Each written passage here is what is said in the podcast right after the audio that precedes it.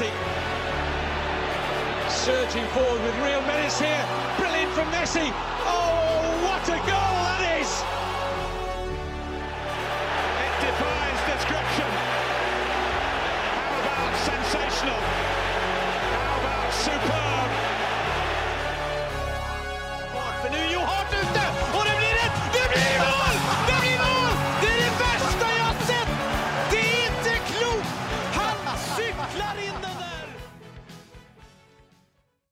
Ja da, da ønsker vi velkommen til episode 174 av den sagnomsuste fotballpodkasten 90 minutter. I tillegg til eh, gode, gamle, faste panelet Mats Granvold og Søren Døpker, så har vi med oss en gjest i dag. Eh, Viaplay-kommentator Jørgen Klem. Takk. Det var hyggelig, hyggelig at du takka ja til dette. Det veldig hyggelig å bli invitert. da. Tusen takk. Det var, eh, det var stort. Ja, det er, det, det er stort for oss òg, det. For vi har, vi har jo hørt deg kommentere noen kamper da, opp gjennom tida. Ja, er fornøyd? Ja, jeg er veldig er fornøyd. Er bra, Veldig fornøyd. Men du bor ikke så langt unna her? Nei. Litt lenger enn steinkast. Ja. Jeg bor i samme kommune som dere. Jeg bor midt i bygda. Så det var kort reisevei. og På vei til jobb? Kjøregodtgjørelsen blir billig for det. da. Så det er, jeg er på vei til jobb, faktisk. Det er på vei til jobb. Ja, jeg bare sa til kona nå nå skal jeg bare rett på økeren etterpå på pizzabussen, og så skal jeg opp og kommentere. Men først skal jeg være med i denne 90 minutter. Og det jeg har hørt på dere før. Kjempeflinke. og Dette blir eh, moro. Ja, men det er gøy. Det er gøy. Um, som vanlig altså, har vi en hærskare av Twitter-spørsmål, og, og veldig mange av dem uh, første går til deg, så da, da skal vi bare smelle gjennom dem, eller? Ja, det er like greit. Ja.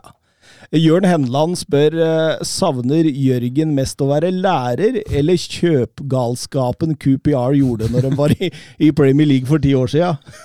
Det var det siste. Eh, det var stort. Eh, det var en endring i holdet med QPR da det kom inn eh, folk med ordentlig tjukk lommebok som skulle revolusjonere og bygge et Premier League-lag som skulle faktisk til Champions League. For det uttalte jo han Tony Fernandes, da, han som eh, tok over. Eh, slik gikk det dessverre ikke, men eh, det var jo fryktelig moro da, med en eh, klubb som hadde ligget i brakk ganske lenge, langt ned i divisjonene, både i Championship og i League One. Og så kommer de seg opp, og det er klart det gir jo forhåpninger og interesse og optimisme, ikke minst, da, blant oss som holder med dem. Så de kjøpte jo inn mye spillere, men kjøpte inn jævla mye ræl, altså. Så, det var, men det var, det var jo morsomt på en måte òg. For det blei jo Men hvor lenge holdt det? Ja, Det var vel to sesonger, og så var det ned igjen ett eller to år, og så var det opp igjen. Så er det 14-15 er vel siste gang de var Rykka ned i 2015. Ja. Så det er siste gang de var i Premier League. Eh, og det var jo liksom Det var jo spillere som da uh, ble hentet inn som gikk på skyhøye lønninger fra uh, klubber hvor det, som har bra lønnstak. da Og egentlig sånn 12.-13.-14. mann, ikke sant som Bosingva, husker han bekken til Chelsea? ja. Var ikke Nico Krenskar der da? Jo, jo, han var der. Men han, Bosingva, altså, det gikk noen rykter på at han hadde ville lønninger. Og det var et par andre av disse inne her òg. men, men det er klart, det var jo, noen av det var jo ganske store navn der òg. Så det, det er klart det blir interesse når du henter inn en sju-åtte spillere som har vært uh, Park United og andre, altså inn i QPR, liksom. Så jeg var jo optimist, og alle var jo optimister. og men eh, ja, jeg vil heller ha en ny en sånn enn å gå tilbake som lærer. Selv om jeg av og til jobber som vikar. Da. Jeg synes det er veldig hyggelig. Jeg er jo utdanna lærer og syns det er hyggelig å jobbe med ungdom. da. Ja, Så jeg har litt sånn, litt sånn ved siden av, for det er litt sånn å holde ved. Så det er egentlig svaret. Et langt svar. ja. Men, men lever du av kommentering? Ja, jeg gjør det. Ja. Uh, men det er, det er jo, jeg er jo en frilanser, som alle andre i dette yrket her. Det er jo ikke uh, alt som er like bra sånn. Uh, men derfor er det greit å putte på litt sånn av og til. Ja. Nå er det veldig mye jobb nå før VM. Mm. Blir litt roligere, da. Men vi har mye rettigheter i Viaplay, da, så da er det litt sånn League One. Og så skal jeg ha noen damekamper i Superwoman-ligaen. Jeg, synes jo, jeg kommenterte jo OL-fotball for damer og herrer, så jeg husker jo litt derfra. Så det er, det er kult, da. Bare, ja. Blir veldig allsidig, da. ja, jeg har jo vært innom eh, mye på fotballen, og også kommentert en del andre idretter òg. Ja, det, jeg, jeg, jeg det googla her, skjønner Ja, du. ok. Det første som kommer opp, er 'Her tar kommentatorene av' med et OL-gull i, i et eller annet. jeg Tenk deg at jeg fikk lov å kommentere første norske OL-gullet siden 1958, var det vel? I hopp Ja, i fjor. Det var jo helt rått. Jeg skulle egentlig vært der, men pga. korona så turte vi ikke å sende noen av oss nedover. Så vi satt jo bare i nesten noen studio sjonerer. Veldig flott studio, forresten. Jo, takk, takk. Um, ja, så, og jeg hadde aldri kommentert hopp før. Så jeg bare fulgte med som en villmann på alle hopprenn jeg så, og noterte ned. Og hadde én sånn prøvehopp i en uh, Garmisch Partenkirchen der i, i jula, og så var det bare å hoppe ut. Ja, For du kunne ikke så mye om hopp før du begynte? jo, jeg skal, jo, men jeg har alltid vært ganske interessert da jeg var liten. Interessert i hopp. Jeg syns det er kjempegøy å se på. Var ganske ivrig da jeg var liten. Noterte en stilkarakterer på NRK med Arne Skeie og sånn. og jeg hoppa litt sjøl. Jeg har jo en hoppkropp. Jeg sa til fatter'n jeg må begynne å hoppe, så jeg, med fikk ikke lov. Så hadde jo hoppa bakken ned med den kroppen jeg hadde. Jeg var jo tynn som en flis. ikke sant? Så det var jo... men, men det var jævlig artig, altså. Det var, høyt å si. det var jo det var helt vilt, det der hoppgreiene. Jeg har aldri fått så mye meldinger på telefonen der etter den greier. Og det var stort, så det var jeg jo stolt av, da. For å være en del av det. Så. Engasjement, det er Jo, men det er gøy, da. Ja, ja, ja. Det er ikke noe påtatt. Altså, jeg, ikke sant? De husker de sa at vi setter et kamera i boksen på dere. Og det, det hadde jeg bare glemt. Ja, men det er sant. ja. han eh, Kjetil, han, er, han er ganske rolig, han eh, eksperten. liksom. Så kommer jeg sånn kålabil som bare Men det var jo veldig gøy, da. Det var jo kult å se det litt i reprise. sånn at eh, Vi treffer jo litt på litt det journalistiske der. og en stemning som jeg venter på han Kobayashi som skal hoppe ut der. og ja, det, var, det var utrolig kult. Utrolig, utrolig bra. Fint med engasjement, Mats, er det ikke det? Alltid. Mm. Eh, nei, jeg syns det, det er veldig flott å se på engasjementet. Så, uh, når, vi, når vi hadde Paul Thomas Clay her også, så, så, så var han veldig opptatt av det at, eh, at du, du skulle være ærlig i kommenteringa di. At på en måte at hvis ting ikke var så spennende, så skulle du si at det ikke var spennende. Hvis, du, hvis det var Men det gjelder jo dere, og deres, dere som er fotballkyndige. og Mange som er veldig interessert i fotball, kan sikkert mye mer enn meg også, som sitter og ser på ting. Så må jeg, jeg må jo fortelle det jeg ser. Ja. Dette er faktisk ganske kjedelig omgang. Det er ikke noe gærent å si det. Altså, Det er ikke det. Hvis jeg ringer selv nå skremmer du bort seerne. Nei, jeg gjør jo ikke det. Hvis du skal si at fy faen, var det jævlig trøkk på Sellers Park, og så har det ikke skjedd en dritt. Da, da ljuger du, da. Ja, men da er jo de som er, fot- de som er fotballfaglige, skjønt, hvem er han som kommenterer det? Han har jo ikke peiling på dette her. Da lurer du egentlig sjæl. Og, og, og, det er United, Liverpool, de spiller jo dårlige omganger, dem òg. Så må du tørre å si det, da, så får du heller få noe Twitter mellom Klem, er han helt tulling, eller? Følger han ikke med, liksom? Ja, ja, greit. Da får vi ta det, da. Eivind Stølen spør Jørgen om han kan rangere sitt beste og verste QPR-øyeblikk, og tror han QPR rykker opp i år. Beste, eh, det er ingen tvil, 2014 på Wembley, playoff-finale mot Derby. Bobby Samora, 89-42 på klokka. 1-0 med ti mann i en halvtime. Sjukeste jeg har opplevd. Jeg har vært på Norge, Brasil i Marseille. Jeg er nesten så jeg rangerer den der kampen til QPR foran. Det er, altså, det er, og da hadde jeg med meg kona på fotballkamp. Og, og hun er sånn passe interessert. Ble med til London, så sa hun til meg etterpå Jørgen, nå skjønner jeg hvorfor du liker dette. her. Nei, Men det var helt rått. Det var, det var 42 000 QPR-fans på Wembley. Stinn brakke. T-banen opp til Hammersmith etterpå. Shepherdsburg og til. Det var- den tror jeg stoppa, for folk var helt uh, gærne. Altså, så ja, jeg tror det, og den, det, er liksom, det var jo 70 stykker fra norske supporterklubber som var over. Det er Ja. en ganske stor supporterklubb i Norge, skjønner du. Ja. Gode på 70-tallet. Uh, og det var bare Jeg tror aldri man kommer til å oppleve en sånn med QPR. Og det, det var som å vinne Champions League. Så Kult, kult. det er den beste. Verste ah, Det må være nedrykket, selvfølgelig. Premier League i 96. Det var russ. ikke sant? Hadde jo solgt Les Ferdinand, som var store, store spilleren min. Så gikk det ned, og da tok det jo en haug med år før det var eh, opp igjen. Og at de tapte faktisk playoff-finalen i League One mot Cardiff i Cardiff i ja, 02, 03, 04. Et eller annet der. Ja. Uh, ja. Ja, det er nydelig. Men han rykker opp. Uh, svaret er Jeg er i tvil, men det er, så dritjevnt, for å si det rett ut, i championship nå. Ja. Uh, ikke sant? Du har jo Blackburn med åtte tap, ligger helt der oppe. Uh, og det er, jo en, det er jo en av de tøffeste ligaene å spille i i Europa. tror jeg. Det er ikke én kamp som er lett. Om du møter Hull hjemme, så er du ikke sikra tre poeng. Men det er jo litt overraskende at Burnley også plutselig gikk rett tilbake i toppen, til alt Ja. det de har solgt. Ja, ja. Og med, med han Company har fått til eh, morsomt lag. Helt annet som han eh, som var der før. Han var stemmen, vet du. Han, eh, Sean Dyche. Ja, han, eh, der var det var på tide å bytte ut han, altså. Så, men, men jeg Vi får se. I hvert fall eh, kul liga, da. Det er utrolig spennende. Og, Ja, ja. Og Stefan Johansen da, spiller ja, da, han er jo Han holder, men rykker de opp, så er ikke han god nok. Men, men det gjør ikke, ikke det, jeg gjør hver gang han rykker opp. Jo, jo, det er nok litt det. Altså. Han, du ser, har litt tempoproblemer, men så plutselig var det jo ikke mot Wiggen. da. Jo, men det er to assist mot Wiggen. Wigan. Ja, ja, Ja. stemmer det. Og så måtte han jo ut etter Ja, da, altså, han eller halte jo litt, da, ikke sant. Mm. Men, øh, men, øh, men det er jo en klubb som mange mener vi må få opp igjen, da. Det er jo en London-klubb. ikke sant? Hvis det fått en ny stadion, attraktivt å få tak i spillere i, i London. ikke sant? Så, Men på en annen måte, det er ikke noe være sånn Norwich-lag opp og ned. det er ikke noe, Da kan vi liksom spille championship. Hvert år. Ja, nei, men det er jo Selv om det er kult å ha ja, Jeg har vært og sett det mot Manchester City med Aguero liksom, på Loftus Row. Liksom. Det er kult, det, men eh, Det er nydelig, nydelig. Eh, Didrik Tofte Nilsen, Jørgen Klem er kult, står det her. Eh, hva er din kuleste kommentatoropplevelse i fotballen? Åh, eh, skal vi se, da må vi tenke litt her. Eh, jeg har vært over et par ganger i England. Eh, Jeg hadde, skal jeg ta en live en der? var det i hvert fall en FA Cup-kamp faktisk mellom Aston Villa og West Bromwich Albion. Hvor det var lokaloppgjør i kvartfinalen der.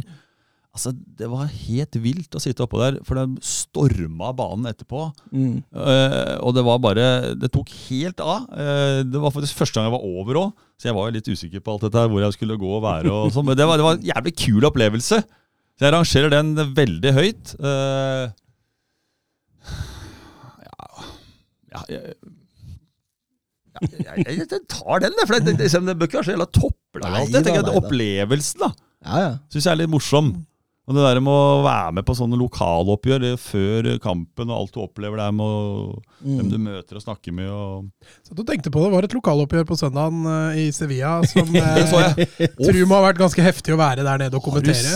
Da? Det var jo helt Var det, var det VN som var der nede? Nei, ja, Jeg vet ikke om han var der. Jo, den var det. Han var det? Ja. Da var det VN, ja. Ja. ja. De hadde sendt ned to journalister ja de satser ganske vel på spansk Ja, der. Ja, jeg. gjør det. Det var syk kamp. det var en ellevill. Vi skal innom den seinere. Jørgen Knutsen han han prøver å kjøre litt, skape litt dårlig stemning her, han tror jeg. For det, dagens mest betente spørsmål Hvorfor driver Nittedal IL og roter nede i bunnen av åttendedivisjon, mens Gjelleråsen kjemper for opprykket Post Nord? Burde det ikke vært motsatt? Hvilken klubb er egentlig Nittedals stolthet? Fyr løs! Oi, oi, oi. Nå er ikke jeg noen nittedør, da. Jeg har bodd her i tolv år. Eh, per dags dato så er det stor forskjell på Nittedal og. Gjellåsen Gjelleråsen driver en annen liga på fotballsida. Selv om jeg er med i fotballen. i ja. Nei, men det er jo ærlighet. De har jo vært mye bedre, så det er jo svaret der at uh, det rakna i 2016. De skulle aldri slått Gjelleråsen i den trekampen. Etter det. De gjorde lokaloppgjør, 500 tilskuere. Jeg var spiker oppe for juling etterpå, forresten. Så jeg ønska. GIF-fansen god tur hjem med 301-bussen. Har det så løp etter meg. Så jeg måtte, ja, Gud, bare gikk jeg over til junior på sju år. og Da var det rolig. Det var nære, altså. Da var jeg bråkjekk. Men eh, Nei, og det, og det, det tålte ikke de gutta der, for det var mange av de gutta som faktisk hadde spilt til GIF før. Ja, hvor mye Gjelleråsen-gutter der? Yes, eh, Og da tapte de alle kampene, rykka ned. Uh, flytta laget ned til sjette divisjon, åpna sesongen forferdelig. Trakk laget ned i niende divisjon. Bye, bye. Ja. Uh, så det er jo ikke noe Men det var jo på tidlig 2000-tallet de hadde sånn samarbeid i bygda. Nittedal FK, var det ikke? det? Jo. Uh, Og det da- var jo nære der. Ja, og Gjellerås nå ligger brakk før Raymond Johansen tok over. Så Ja, lå det brakk. han er flink. Eh, veldig. Mm. Så Gjellerås nå, det er ikke gitt at Gjelleråsen har kommet dit de er nå, mens Nittedal har gått motsatt vei. Nei. Hvis du tenker bebyggelse nå, så er vel Nittedal vel forbi Gjelleråsen også. Så Det tror jeg. Men uh, du må ha en fotballgruppe som fungerer ja, med spillere. Det er jo tynt der nå, dessverre. I hvert fall sånn junior- og seniorfotball. Den ligger så å si brakk. Eh, ja, vi må ha noen sjeiker inn, tror jeg. Få noe oljepenger. Ja? Få noen Newcastle-folk inn her, det var deilig. Det gjelder å lure inn noen millionlønninger i åttende divisjon. Det hadde vært eh, stas. ja. Få noen gjestearbeidere, bygge stadion og sånn. Ja. Frode Kippe inn som kaptein. Han Han hadde gjort det for en million i året, tror du ikke? Eh, Anders Hansen, eh, kommer dere til å feire en vel innspilt episode 174 med å sende masse fyrverkeri over Romerike? Jeg regner med det er en eh, Ja, det er vel en uh, liten påminnelse om hva som skjedde på Color Line Stadium? var det ikke? Ja, det var jo, jeg var jo der sjøl. Jeg så jo Ålesund mot uh, Lillestrøm på Color Line, dessverre. Det var, Var du på Color Line? Ja, ja. Å. Han reiser oh, ja, nei, du var der av eh, sosiale grunner òg, ja. Ja, det, jo, det var jo en fin kombinasjon å besøke samboerens familie. Men Eh, hadde du blitt overraska om han var oppe Ja, i Han hadde eh, dratt til Ålesund for å kun se kamp. Da hadde jeg blitt litt overraska, faktisk. det kunne jeg fint ha funnet på. Ja, sann.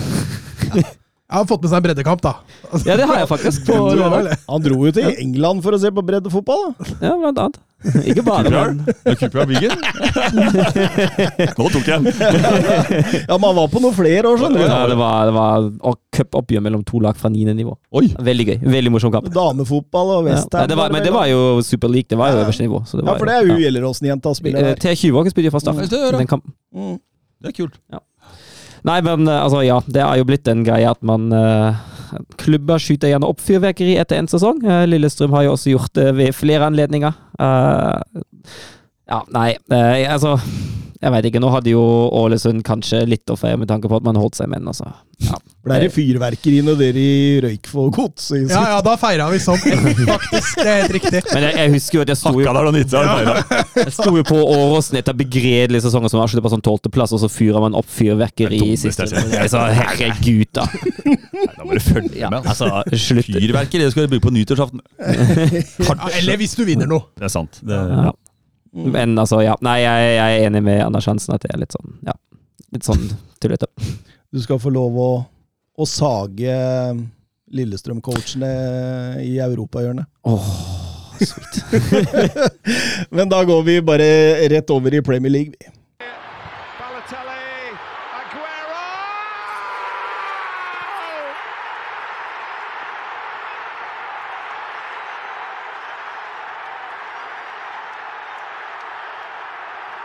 I swear you'll never see anything like this ever again. So watch it, drink it in. They've just heard the news at the Stadium of Light. Ja, vi begynner på Etihad eh, Stadium, eh, Manchester City-Fulham, og det var vel eh, størst usikkerhet vedrørende om Haaland spilte eller ei fra start. Det blei benken, men Ja, det er kanskje ikke så unaturlig når man har Fulham på besøk, og det kommer noen, noen kamper til i midtuka. Ved Chelsea i, i ligacupen nå, tenker jeg. Eh, og så var han jo ikke helt frisk. Guardiola sier jo fortsatt at han er jo ikke helt på 100% og ja. Alvarez gjorde jo sakene sine ok. Mm, Det mm. gjorde ikke Cancelo. Nei, det kan du si. Hva, hva, er- hva, er det, hva er det som skjer der, egentlig? Ja, ta, Altså, han er på vei gjennom, og så tror jeg han, intensjonen der er skulder mot skulder, og så havner han litt på etterskudd. Det, da blir det i ryggen, da. det blir jo i ryggen. Eh, og så mm, hva skal vi si, vurderer dommeren der etter at det ikke er eh, ærlig forsøk på å ta ball, og da er det jo rødt kort da, i forrige Ja, altså, jeg, tenker, jeg tenker når du først blåser straffa, så må de gi rødt kort. Ja, så tenker jeg det. Da har du liksom erkjent at det er greit, han, han bryter regla ved å ikke prøve å ta ball. Mm, mm. Og da, da, da blir det jo et helt annet kampbilde. Ja, da. er du gæren? Og det, men det har jo vist seg, de har jo hatt trøbbel med enk... Var det Palace som slo der, vant der i fjor? Da?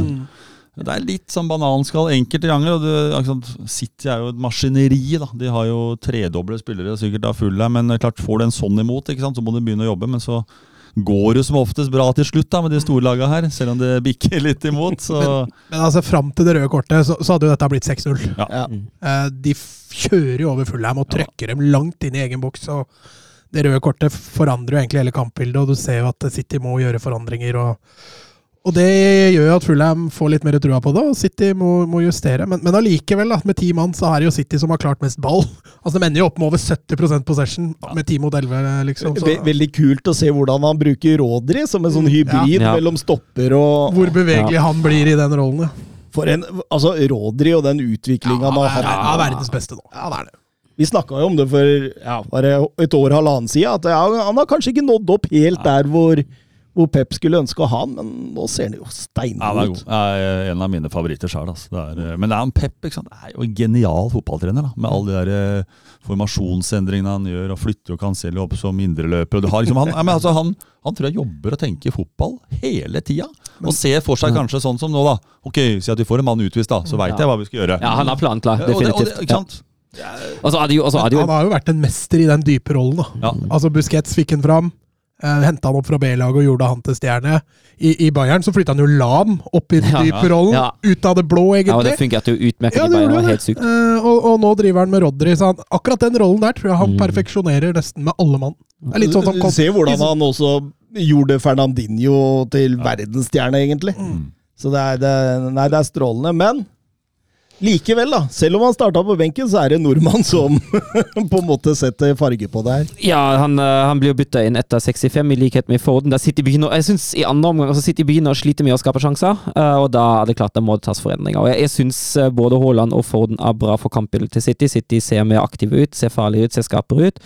Og så er det jo Han får vel én adellert for en marginal offside, og så avgjør han jo kampen helt på slutten. da. Straffespark der etter Kevin De Brøne ble tatt. Men altså, det å ta av seg drakta for å skåre på et straffespark Altså Slutt. Uh, en, Du har altså, skåret 15 mål, jeg syns det er greit, det. Faen, 15 mål allerede. Vi- vi- vi skal snakke- om det ikke 18? Var Han kler av seg. Er han ikke 18? Jeg syns han var sammenligna med Solskjær alt, jeg. Ja, jo, jeg tror han er- jeg tror- jeg tror- jeg tror det- jeg tror han er vel er vel- er han ikke Har han ikke A Solskjær nå? Jeg tror det. Skåringsrekorden til Solskjær. Jeg tror det er Nei, jeg vet ikke. Jeg jeg så- syns jeg så Viaplay ladet. Men, ja. Men jeg, jeg, altså, jeg, jeg tror jo at en, en, draktavtagning var jo kanskje litt mer lettelse, for straffesparket var ikke Nei, det var ikke bra, det altså. Selvfølgelig er 18. Bra. Men eh, Men vi, vi skal jo til Serie A seinere. Ja, var det ja, det var var- enda dummere, kanskje.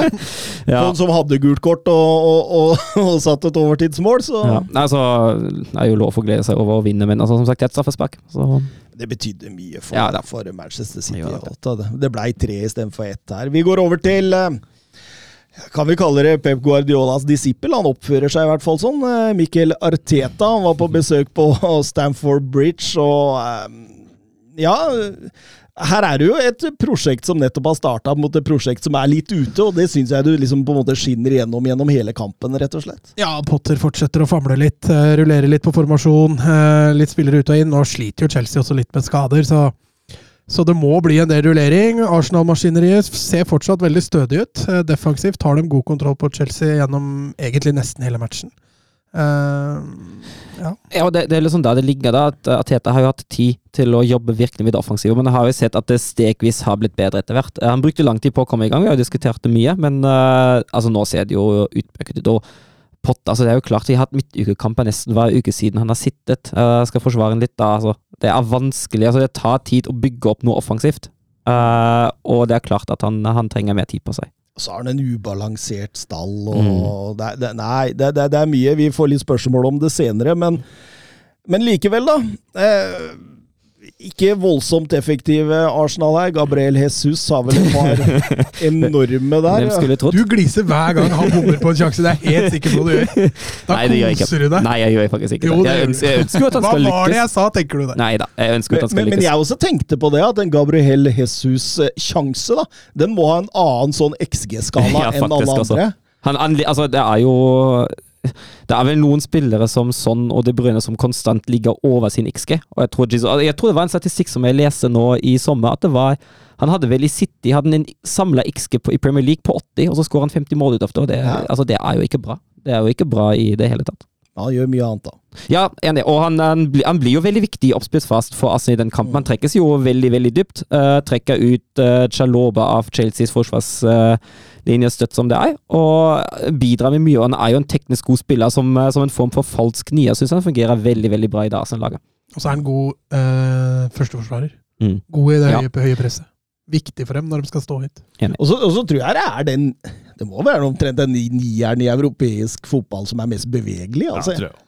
han, han beveger på seg hele tida. Først er han ut venstre, og så er han ut høyre. Og så er han, du, Har han en annen rolle nå med førstevalget i Arsenal kontra liksom vært uh, bak mange av de toppspissene i City i mange år. Endelig så har du løsna for han. Mm. Men litt sånn om Chelsea liksom, Hvem er det vi egentlig kan plukke ut der som er ordentlig stjerne med dette Chelsea-laget nå? Altså, Men, altså, hvis du skal si en du bare Han må jeg ha på laget mitt på Premier League. ja, altså Havertz skulle man jo tro. Ja, jeg er og- enig, men jeg venter litt på han Ja, jeg er helt Ja. enig. Verken Mount eller Havertz er jo Det er jo to offensive Litt sånn- spillere. De, kjedelig nå. Det er liksom Stirling inn der. Ok, vi veit hva vi får med han, da, han ikke sant? men det er et eller annet. Jeg bare begynner å bli litt kjedelig å se Jeg tenker de wingbacka, når de er i form, Shilwell og, og Reece James, de, de, Ja, holder Reece, bra, enig. Han syns jeg er god. De holder bra nivå. Så er, så, Men Kokoreia han har vært sånn Jeg er ikke så sikker på han. Jeg. Han så jeg i OL, faktisk, for Spania. Da var jo han i Hvor han kom fra før han gikk fra Brighton, husker du? Getafe. Nei, fra Brighton. Jo, Getafe. Ja, riktig.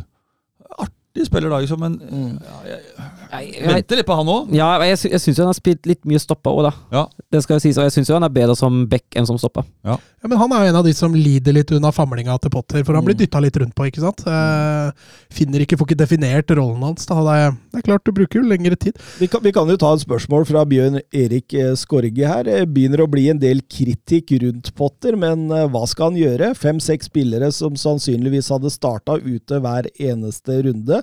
Kovacic sliter med kneet. De siste sesongene har Chelsea hvilt Silva en del. I år har han spilt mest av alle i en alder av 38. Han ser jo helt utslitt ut. Ja, det, er jo, det er jo relevante poeng uh, som han kommer med der. Uh, og som sagt, altså Han har jo han har jo nesten ikke hatt tid på seg for det blir ganske seriøst. Eh, Han har ikke fått en oppkjøring. Jeg tenker gi ham eh, Nå blir jo en del av Chelsea-spillerne borte til eh, VM, så det er ikke en takknemlig oppgave for ham heller, men han får i hvert fall jobbet litt med det som Ada igjen. Uh, og da kan man jo tro på at, at det kan bli bedre. Jeg har i hvert fall tro på Potter. Jeg mener at han er en meget dyktig manager. Uh, men ja, det er klart han må, han må finne ut av litt ting, men det er klart at den prosessen tar litt tid. Og Saleh er offensivt. Så må han få et par vinduer på seg. Han må jo, Det det, det, er jo ja, ja, som ja du er inne på her. Jo da, jeg, og det må, de må gjøre noe der, altså. Jeg, eh, jeg syns det har vært litt grått og kjedelig å se på noen kamper. Ja, altså, Ordentlig. eh, Men det er klart, fikk jo en fin start etter at han kom fra Brighton. ikke sant? Så plutselig så bikker det litt mot noe. Er, du skal ikke ha så veldig mange tre-fire kamper til som ikke funker da. Eh, Men ja. jeg, jeg, tror, jeg tror han fikk den gode starten også delvis fordi garderoben begynte å bli lei Torhild allerede. Han har jo en eh, sånn tendens til å slite på spillertroppen voldsomt etter et, et, ett og et halvt år cirka. Men likevel, da.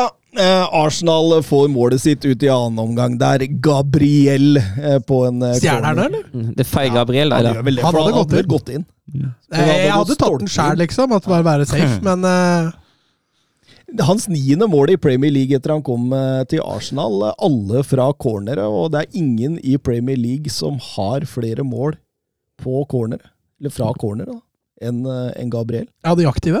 Ja, de aktive nå. Han ligger rett Ikke van Dijk heller. Nei, altså han ligger rett foran Kane. Han har ni, mens Kane har åtte. Og de to er, eller Kane er da tre foran Zuma, Sala og Duncan. Så, så van Dijk ligger ikke på lista der engang. Ja, sikkert skåret noe Champions League og sånn, så det er sikkert ødelegger statistikken litt. Mm. Men det er jo fortjent at Arsenal vinner dette her. Jeg syns det. jeg synes det, Og det har vært et eh, meget bra Arsenal-lag, altså, som du var inne på med Arteta nå, som begynner å få inn en uh, herlig elver der. og Ja, og så- begynner det altså Vi snakket litt om det før sesongen. Det begynner også å se litt mer solid ut bakover. Ja. Jeg syns det. Eh, Vi har snakka om at eh, en av fordelene som Tottenham kan ha framfor Arsenal, er den defensive soliditeten. Og vi så det veldig i den United-kampen Arsenal hadde, at da manglet de nettopp det. Den defensive soliditeten. Men nå syns jeg det begynner å se virkelig bra ut den veien nå, altså. Peter Losvik, er Chelsea så tannløse, eller skal det krediteres Arsenal, spør han? Litt begge deler. da. Jeg syns mest Chelsea er tannløse òg, jeg. Altså. Ja. Jeg syns Chelsea så fryktelig bleik ut. Så du mot United, da greier han å bytte seg inn og redder et poeng ved at han, han gjør noe grep. Eh, nå syns jeg han ser I den kampen her, jeg tror, han, jeg tror han sliter med å se hva er det vi må gjøre her for å få dette opp og gå. For det er så langt fram, da. Aggressiviteten er for dårlig. De greier ikke å spille seg ut bakfra. De greier ikke å etablere noe angrep. Altså det er jeg tror det er så langt fram. Å gjøre ett bytte etter 30 minutter der tror jeg ikke hjelper noen ting. så- Veldig mye på tvers i midtbaneleddet, Ja. syns jeg. Altså. Det er sånne pasninger som vi kunne stå og slå. Uh, nei, kanskje ikke, men altså Nei.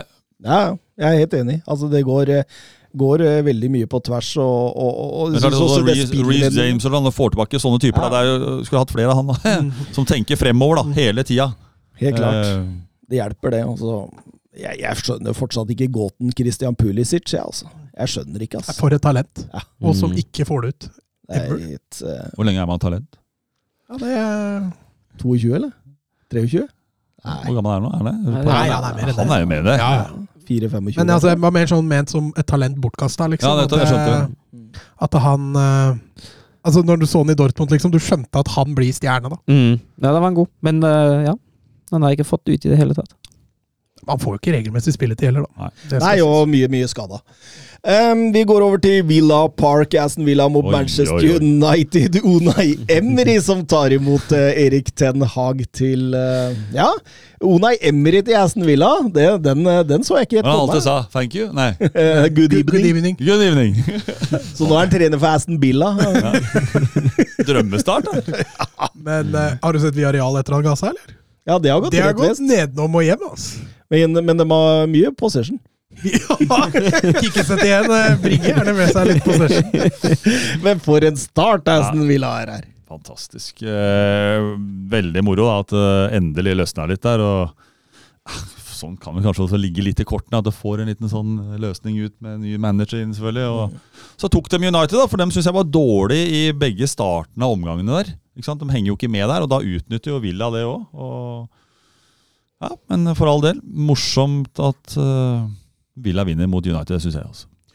Ja, den første skåringa er kjempefin. Eh, opp der, og, og Bailey lar den gå til, til Ramsey. Og så er det jo håpløst forsvarsspill bak der av Maguire og, og Martinez, som begge tar steget fram. Og da sier Bailey bare tut-tut, han, og så stikker han av gårde. Ja, absolutt. Og 2-0 også, så er jo egentlig Lisandro Martinez også involvert, hvor han rett og slett setter Shaw i problemer der, og, og, og det blir frispark. Så, det, så, så, de sliter. Jeg synes de Den er ikke ferdigskåra, da. Nei da, for all del. Dign setter den fint. Men jeg, jeg syns de sliter Altså vi, vi har jo snakka om hvor gode de har vært i frispillinga nå den siste tida. Hvor gode de har vært til å slå baller gjennom ledd. Eh, de, de går ganske høyt eh, ut på Aston Villa her og prøver å stenge av eh, altså på en måte fluktveiene for ball da, framover i banen, men den, den bommer jo helt. Ja, men altså, Da må du kanskje også ha litt andre spillere enn uh, Cristiano Ronaldo i toppresset ditt, og en uh, Donny van de Beek uh, sentralt. Altså, Jeg har hatt så lite matchfit. ja, eh, ikke i det hele tatt, nei. Eh, og altså Det hjelper ikke å ha Casemiro i form bak der da, når du har Nei. tre evnukker foran Og det, deg. det, ble jo, det ble jo voldsomt med rom etter hvert for Villa i noen situasjoner. Og det, det kan man spørre seg om den inngangen kanskje var litt Naiv. feil valgt, da. Ja, naivt, ja. Mm. Ronaldo kaptein, har du ikke? Jo, og det, det er jo Det må jo være provoserende for United-supporterne. Vi fikk et spørsmål om det. Tønne her. Hvilken eh, United-supporter er det som ikke er lei Ronaldo? Han får kapteinspinnet også av Ten Hag. Hva er dette for noe? Begynner å bli en komedie. Eh, og folk hyller han eh, hele tiden. Altså, det er jo bare tre uker siden han ble suspendert fordi han Mm. gikk i garderoben fordi han nekta å bli bytta inn. Og så er da Først får han straffa seg, og så er han kaptein da to, et par uker Har aldri etterpå. spilt mer etter han Nei, Nei altså, altså, altså du, du har jo andre spillere på banen. David De Gea, Luke Shaw og Marcus Rashford som uh, fortjener det kapteinspinnet i, i klubben mye mer enn eh, Ronaldo. Uh, og at han til nødt spilleren at han sier at det, den straffen er den, den kampens suspensjon, uh, og så er vi, starter vi på null igjen. Greit nok, men altså at han gjør en kaptein, det forstår jeg ikke i det hele Det er fryktelig dårlig lederskap ja, av treneren, faktisk. Altså, det er jo sånn kick i ræva til de andre gutta, som ligger som du sier, som ligger kanskje fremme der, som har vært der i klubben lenge. og for så vidt vært der lenge. Ronaldo når han kom, har jo vært der før. Men Dårlig forbilde. ja, det, det der Hva er det han tenker med han Ten Hag der, da? Hva er, han, hva er egentlig argumentet for at han skal da Skal han blidgjøre han igjen? Få han på lag igjen? Eller er det liksom, hva tror du de andre som sitter ved siden av han i garderoben? Han stakk Han stakk for et par uker siden, gadd ikke være her, for han syntes at alt var bare tull. Ikke sant? Nei, Ja, så er det nok av andre lederstyper på laget òg, så selv om Maguire eh, ikke spiller, så bør det jo være andre der som kan, kan ta over det der, som er litt mer forbildertyper, da. Ja, absolutt. Uh, Aston Villa vinner ganske greit eh, 3-1. Skulle Lisandro Martinez hatt rødt kort, Ja, eller? hvis du sammenligner den med den situasjonen som vi skal til i Sevilla, uh, Nabil Fekir, så tenker jeg at det, jeg ser ikke noe forskjell på de to situasjonene. Han slår litt lenger ned på kroppen, men det er et albueslag, rødt og ut.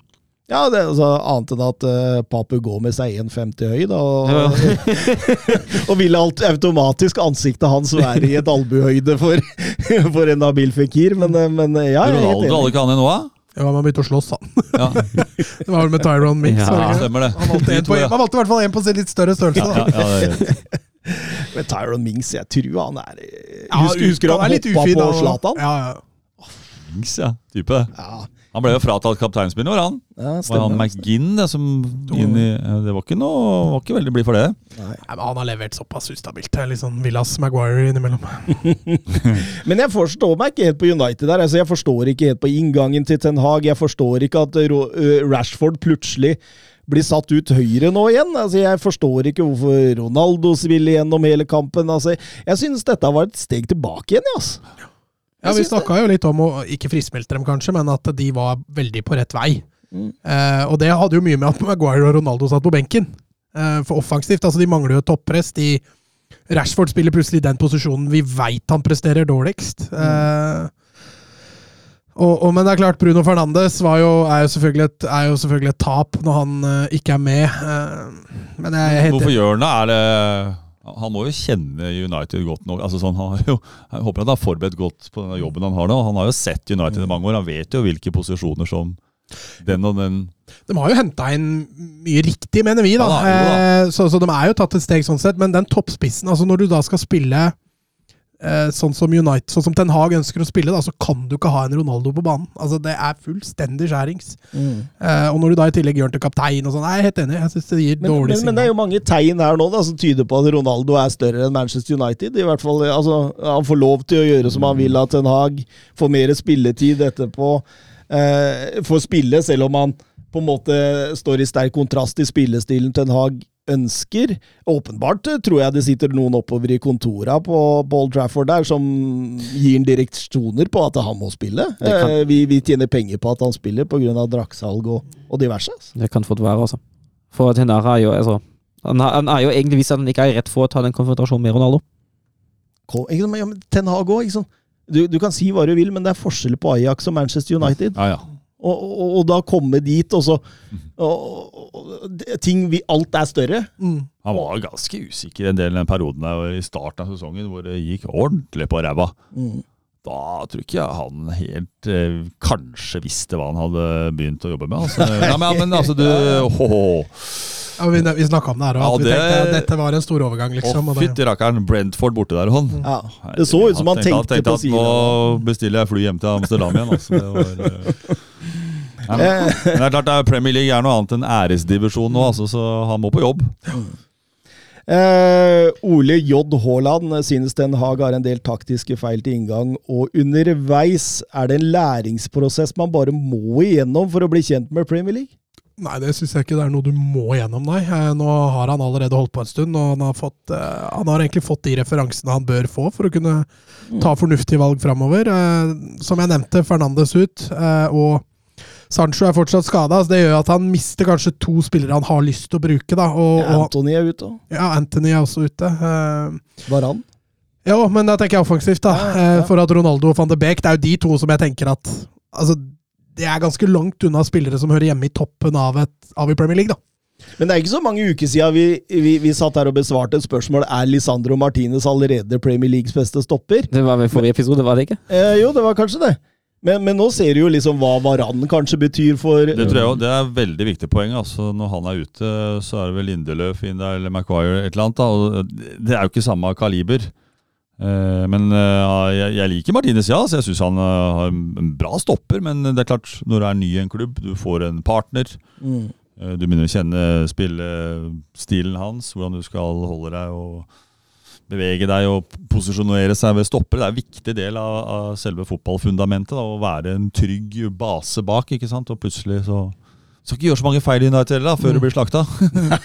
Så det er jo, nei, det er jo Vi elsker å slakte Ja, dem sjøl. ja. Så det er jo Men så jeg kommenterte her mot et av de laga fra Moldova, var det ikke? Eh, Nå i Ja, i Europaligaen her. Ja, det... der Antony snurra rundt, så du den? Ja, ja, Hva ja. syns dere om den? ja, Nikosia, var det den? Nei, Tripos Eh, Sheriff Tiraspol.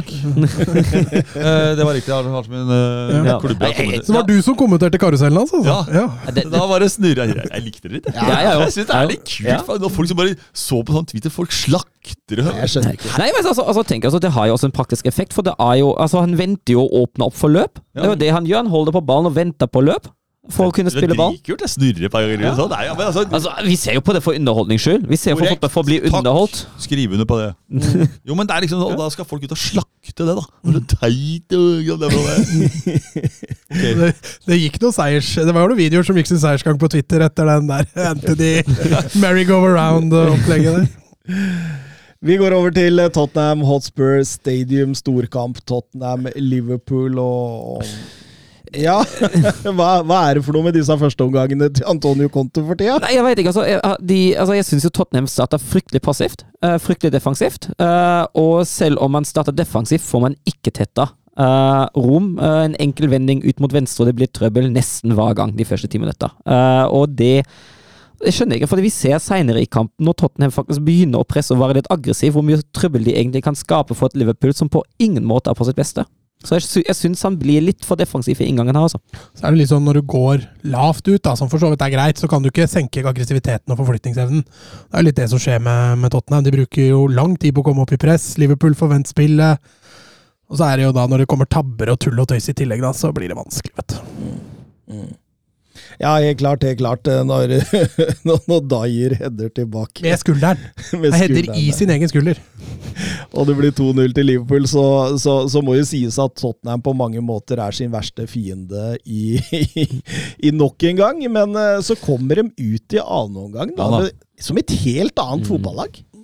Ja, Men de kan ikke fortsette sånn og begynne å varme opp eh, i første omgang. For det, det har du ikke råd til å møte Liverpool. Så 2-0 er ikke lett å hente inn dem. Men det er klart de, de kommer seg inn i kampen igjen, da. Eh, ja, jeg har sett mye Tottenham år. Det er ikke så gnistrende det laget der, syns jeg. Altså, det, altså, Det er mer tider- solid. Ja, men ganske døvt og kjedelig i en del kamper. Mm. Klart, Sånn var ikke med sist heller. Det er Klart det er et kjempe... Ja, Ja, altså og Martin Richarlison, Ja, som er jo så, men skal, Det skal de ta litt til forsvar, da, men Mm. på en annen måte. Det har vært litt Og så har det blitt litt vingling på konto òg. Han Ja. driver og vingler mellom denne 3-5-2 og 3-4-3. Ja, men Tror du ikke det er nå har vært en slags Jo, jo, det- eh, Han har blitt tvunget til det? Jo, jo, men det blir jo fortsatt vingling at han, at han er nødt til å gjøre det, da. Ehm, nå skal det sies at Bizuma spilte jo en eh, meget god match, så at å få inn han der, det, det var ikke nødvendigvis det verste, det. Men altså, nå er det klart, nå spiller jo Perisic, blir jo tvunget ut av posisjon, og de har kanskje ikke den dybden offensivt, da. Når de har i hvert fall ikke råd til tre skader offensivt. Det, det ser man jo også i den kampen her. Og den passiviteten i første omgang, det er, koster jo Tottenham alt, egentlig. Ja, absolutt. absolutt. Eh, Men eh, strålende annen omgang. Eh, Du ser hvordan det begynner å vende på Liverpool, og stadig ut bak Trent Alexander. Ja, hele tiden. Hver Pe- eneste. Perisic drifter jo ut mot venstre egentlig hele tida. Han spiller jo nominelt ved siden av Kane, eller rundt Kane, uh, og så drifter han ut til venstre, skal over overloader i ryggen til Arnold hver eneste gang. Det er ikke langt unna han lager straffe. Nei. Nei, Først, var, den, først det klønete balltap, og så dytter han nei, eh, den var ikke langt unna den Cancelo-situasjonen i uh, Fulham-kampen, syns jeg. eh, Deilig Det er Cézinho som er der. Ja, men, men jeg, jeg syns altså, det er fint at VAR ikke tar den, altså. Jeg gjør det, Nei, det er jeg helt enig. Nå er jeg blitt så lei VAR at de kan Ja. egentlig bare slutte å ta alt. faktisk. Er du for eller imot VAR? Jeg gidder å diskutere, altså. jeg, er så drittlei sjøl på en del ting der. Folk bare venter på ikke blåse på og venter på svar fra video. Ikke sant? Jeg, er får målteknologi. Om ballen er over streken eller ikke. Jeg syns jeg er fin å ha. Så begynner jeg å bli skitlei hele dette greiene. For Ja, for nå er til og med offside begynner å bli slitsomt. ja. Ja, jeg, altså, jeg tenker jo Hvis den der uh, tekno automatiske offside-teknologien funker, og man får et svar på offside på et par-tre sekunder Ja. Kjempekult, kjør på, og så dropp resten. Altså det, jeg, jeg, det var positivt det var før. Mm. Da det kom, tenkte jeg kjempefint. Har opplevd altfor mye urettferdighet mot mine egne lag. Greit, vi prøver det her. Og så er det ikke verdt det. Den, Men- pris, men- den prisen vi betaler, er altfor dyr. Men, men jeg syns jo nesten det er mer straffespark til Tottenham på overtid når Thiago sparker eh, Lucas Mora. Ja, den også Ja. er, i- den Ja. også er i Den, den er nesten, nesten verre, altså. Men eh, Og, og som Tottenham-supporter sjøl, så blir jeg ekstremt irritert når, det er igjen, når, når dommeren legger til fire minutter. Liverpool bruker over et minutt på det Oxland Shablade-byttet, og han legger til 13 sekunder på de fire minuttene. Men- Men jeg syns du snart kan begynne å ha effektiv tid. At du stopper klokka, da. Det har vi diskutert. Ja, Ja, ja, men altså, er men da, da forsvinner Da har du Ok, nå, nå Si at du stopper når ballen er ute i innkast, bare. Du skal ha ballen i spill. Ja. For det, sånn som det fungerer nå, så fungerer det jo ikke. Ta to ganger, to ganger 30 minutter, så blir Altså, kvitt alt det overtime er jo bare tull og rør. Mm. I Spadia syns jeg man var flinke med å legge til mye. Ja, der legger de med Ja. men Det det- men hvis du leder mye, er det ikke sånn i Tyskland, det bare blåser dem av. Ja, men det gjør det i Spania òg. Hvis det er 5-6-0, så er det to-tre minutter maks. Ja. Men, men sånn som på Sevilla, da, nå i helga, ble det jo, totalt ble det vel nesten 20 minutter tillegg. så da, legge, da er de flinke til å legge til. Jeg må Eh, jo ta med at øh, Liverpool Veldig viktig seier for Liverpool her på Ja. bortebane. Det- Det, og de måtte det. Liverpool-prosjektet nå, som har jo hangla ganske mye i år Mm. eh, eh, Vi skal tilbake til Champions League-trekning senere, men det er liksom den seieren der på, på Londons den, nei, eller mot Tottenham, den, eh, den er viktig, altså. Du så på Klopp at det betydde mye. Er gæren? Han var ute og brøla Ja, ja, ja. til supporterne. Det er åpenbart. Eh, Støveland på Twitter. eh, Skal man hate tre tapte poeng mot Liverpool, eller skal man glede seg over at man spilte ball i hatt med dem i store deler av kampen? Og begge deler, tenker jeg. Eh, litt sånn kjedelig svar. Men altså det, det ene er jo, er jo tap, og det er jo alltid kjipt. Men det å tape og se at laget egentlig har prestert bra altså, Det gjør for meg personlig lettere til sinns. Jeg er surere når Wolfsburg spiller kjempedårlig og taper, enn at, enn at jeg, når jeg ser progresjon og se at dette her var egentlig en bra kamp, og resultatet kommer hvis vi fortsetter å spille sånn. Men hvis du har sagt hvis du var Tottenham-supporter, så sier du det til en Liverpool-supporter. du, Han bryr seg ikke om. Nei, nei, nei, nei, har du sagt det er litt det? det jeg skulle fram til òg, da. Perisic med to i stolpen og det kan lettere Ok, jeg ser en del ting i fotballen her, men det hjelper ikke at jeg kan si det til kameraten min som holder med Liverpool. Nei, altså De første 20 minutta, 25 minutta til Tottenham må jo være nok til at du legger deg i grava og bare Dette gidder Det var trist. Det var Ja. trist. Altså, Du starter jo kampen, det er jo som Jørgen var inne på her. altså Du, du møter opp et kvarter før kampstart, og så bare tar du oppvarminga i første omgang. Um, Absolutt. og da Jeg kjenner for min del hadde det ikke vært rare trøsten å spille en fantastisk andreomgang allikevel tape, for du ødelegger alt da på de første 20 minutta, liksom. Det er tre tapte poeng Ja, det er jo det. Det er så Eh. bittert hvis jeg er supporter og ser at laget er så glad. Du må skjerpe dere! Ja. Dette er betalt for mange tusen hver gang. Fader. Det er greit at du har noen feilskjerm, men det å ikke ha innsats og trøkk i spillet ditt, Mm. det er det verste som fins. Søren dro helt til Ålesund han, for å se på det rælet som var der i helga. Oskar Carveio Holm, tanker rundt uh, Fenwick Sports Group, ønsket om å selge Liverpool? Ja, det er den første tanken jeg har. Helst ikke enda en sportswashing-klubb. Orker ikke. Da, da tror jeg Klopp hadde gått. Det- Han har så store ja, prinsipper ja. mot det, å snakka Ja. om det. Ja, han har det. Jeg tror det. Jeg tror det. Nei, Det er veldig spennende, det som skjer her nå. Men eh, jeg tipper eh, Håper at Liverpool har en litt sånn æren i behold. At du skal, kanskje skal ha noen ordentlige driftige forretningsfolk inn. For det er det som har vært inne her nå. Mm. De er jo andre idrettsklubber, og plutselig skal det komme andre, som du sier, inn der. Og Men det er vel de som står for forhandlingene av salg av klubben. Så Ja. de må jo bry seg om i så fall hvem som kjøper klubben. da. Nettopp. Så om det kommer inn en sjeik der fra Dubai som vil ha den klubben, som betaler nok, tror Ja. du ikke de Jo da, jo da, og det er jo det jeg er redd for. Da. Jeg er enig med deg òg. Men kan ikke sånn Eller er det sånn vi skal ha det? Nei, det er på ingen måte. Det er ikke noen fasit. Men klart Hadde det kommet en sjeik og skulle kjøpe Cooper, så hadde jeg kanskje sagt ja. jeg. Ja, det, det, Du så jo hvordan Newcastle-supportere var der. De kledde jo seg ut som sjeiker hele gjengen. Og nå, og nå ligger de på Champions League, så nå, det De går har veien. der fem ganger i år til Newcastle. Ja, deilig, Hadde deilig. dem sist òg. Ja, det gikk bra, det. Ja, vi skal litt innom det nå, skjønner du. Fordi det er- det røy, røykte jo en eh, trener til slutt. Men eh, de kjøpte jo Liverpool for 300 millioner pund. Og, og jeg tenker jo det at Chelsea ble jo solgt på tvangssalg for 2,5 milliarder pund. Så det er jo åpenbart jeg, jeg tror det kan ha litt med det å gjøre. Og, det, og når Forbes ja, Jeg tror Forbes var ute og sa at eh, Liverpool var verdt 4 milliarder pund. Det er mye penger. Ja, men det er en profitt, altså. Hvem skal kjøpe dette her? Du og jeg? Nei? Ja, vi, vi får legge sammen sparepenga, så får vi se hvor langt vi Åpne kommer. restauranten ditt, har vi, og så fortjenesten der. Ja, men Det blir spennende, men jeg håper for Liverpool sin del at det, altså, det, det holder seg gjennom noe seriøse Altså, det, det hadde vært veldig trist om det kom et eller annet sånn Nord-Korea Nei, men det har jo vært veldig mye med både Manchester City og Newcastle. Klart, ja, jeg, jeg, det er dritvanskelig. da. Altså, du kan si at De ligger litt foran, kanskje med all, alt det de kan bruke og har eh, liksom brukt. da, Men er, det er vel ikke slik vi skal styre en fotballklubb, og sportsverden skal vel ikke sånn det skal være. Nei, jeg er helt enig. Og så tenker jeg altså, Liverpool er jo en skikkelig prinsippassklubb, egentlig, da. Mm. Og akkurat den modellen da, altså det, det går i strid med alt uh, som eh, Liverpool og lokalbefolkningen i Liverpool egentlig står for. Det er, det er hjerte og sjel i den klubben. Mm. Det er det ingen tvil om. Eh, Vi går litt over til eh, kampen du kommenterte. Du var inne på det. Southampton, eh, Newcastle. Og Newcastle er jo blitt et topplag. Jeg kunne holdt en eh, lang tale om eh, hvor morsomt det er å se på dem, faktisk. For det er- dritkult fotballag å se på om dagen. De skårer jo masse mål. Eh, Miguel Almiron, har du sett på maken til fotballspill? En av de beste i Premier League denne sesongen. Oppe i åtte mål, han nå.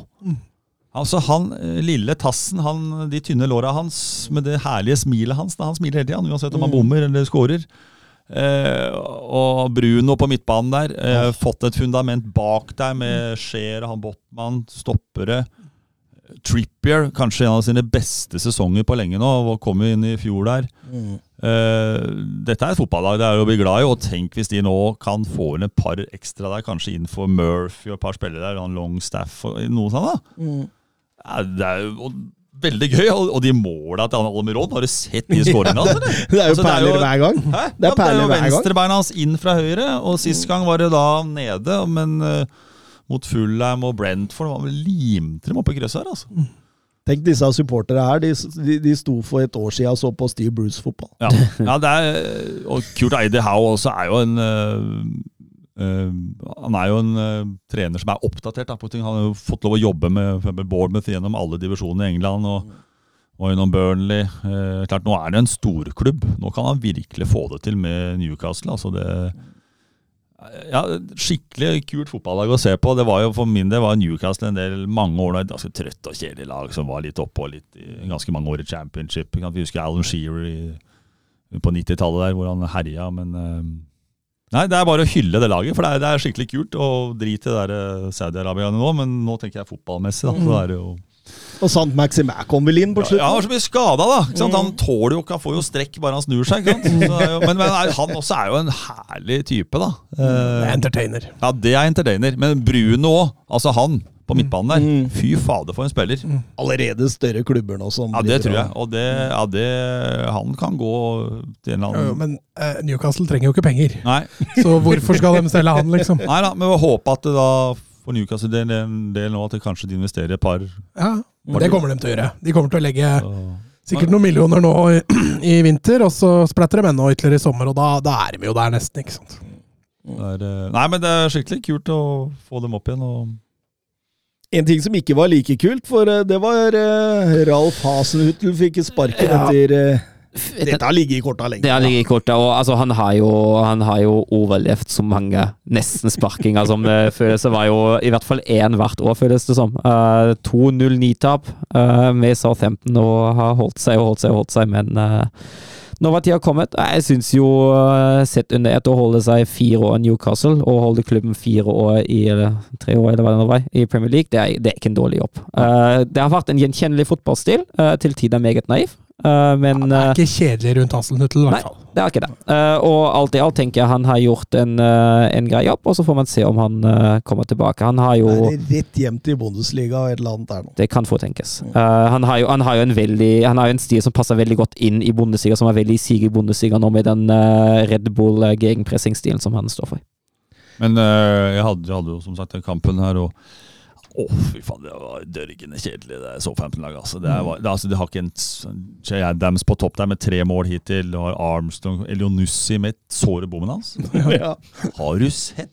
Altså, Mutter'n hadde satt den, altså. ja, det Ja, men det og det var på 0-1, da, rett før, uh, før pause. ikke sant? Og det var, Southampton var ganske brukbar første 20. De hadde litt trøkk, men siste tredjedel helt stopp!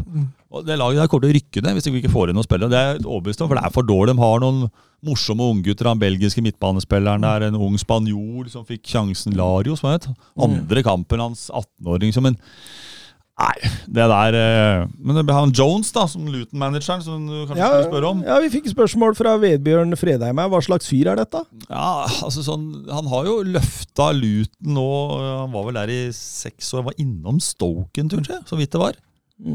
Eh, og han har jo, var vel oppe på sjetteplass i championship eh, i fjor. eh, og har jo løfta dette Luton-laget. Fått dem ordentlig på gang. da. Mm.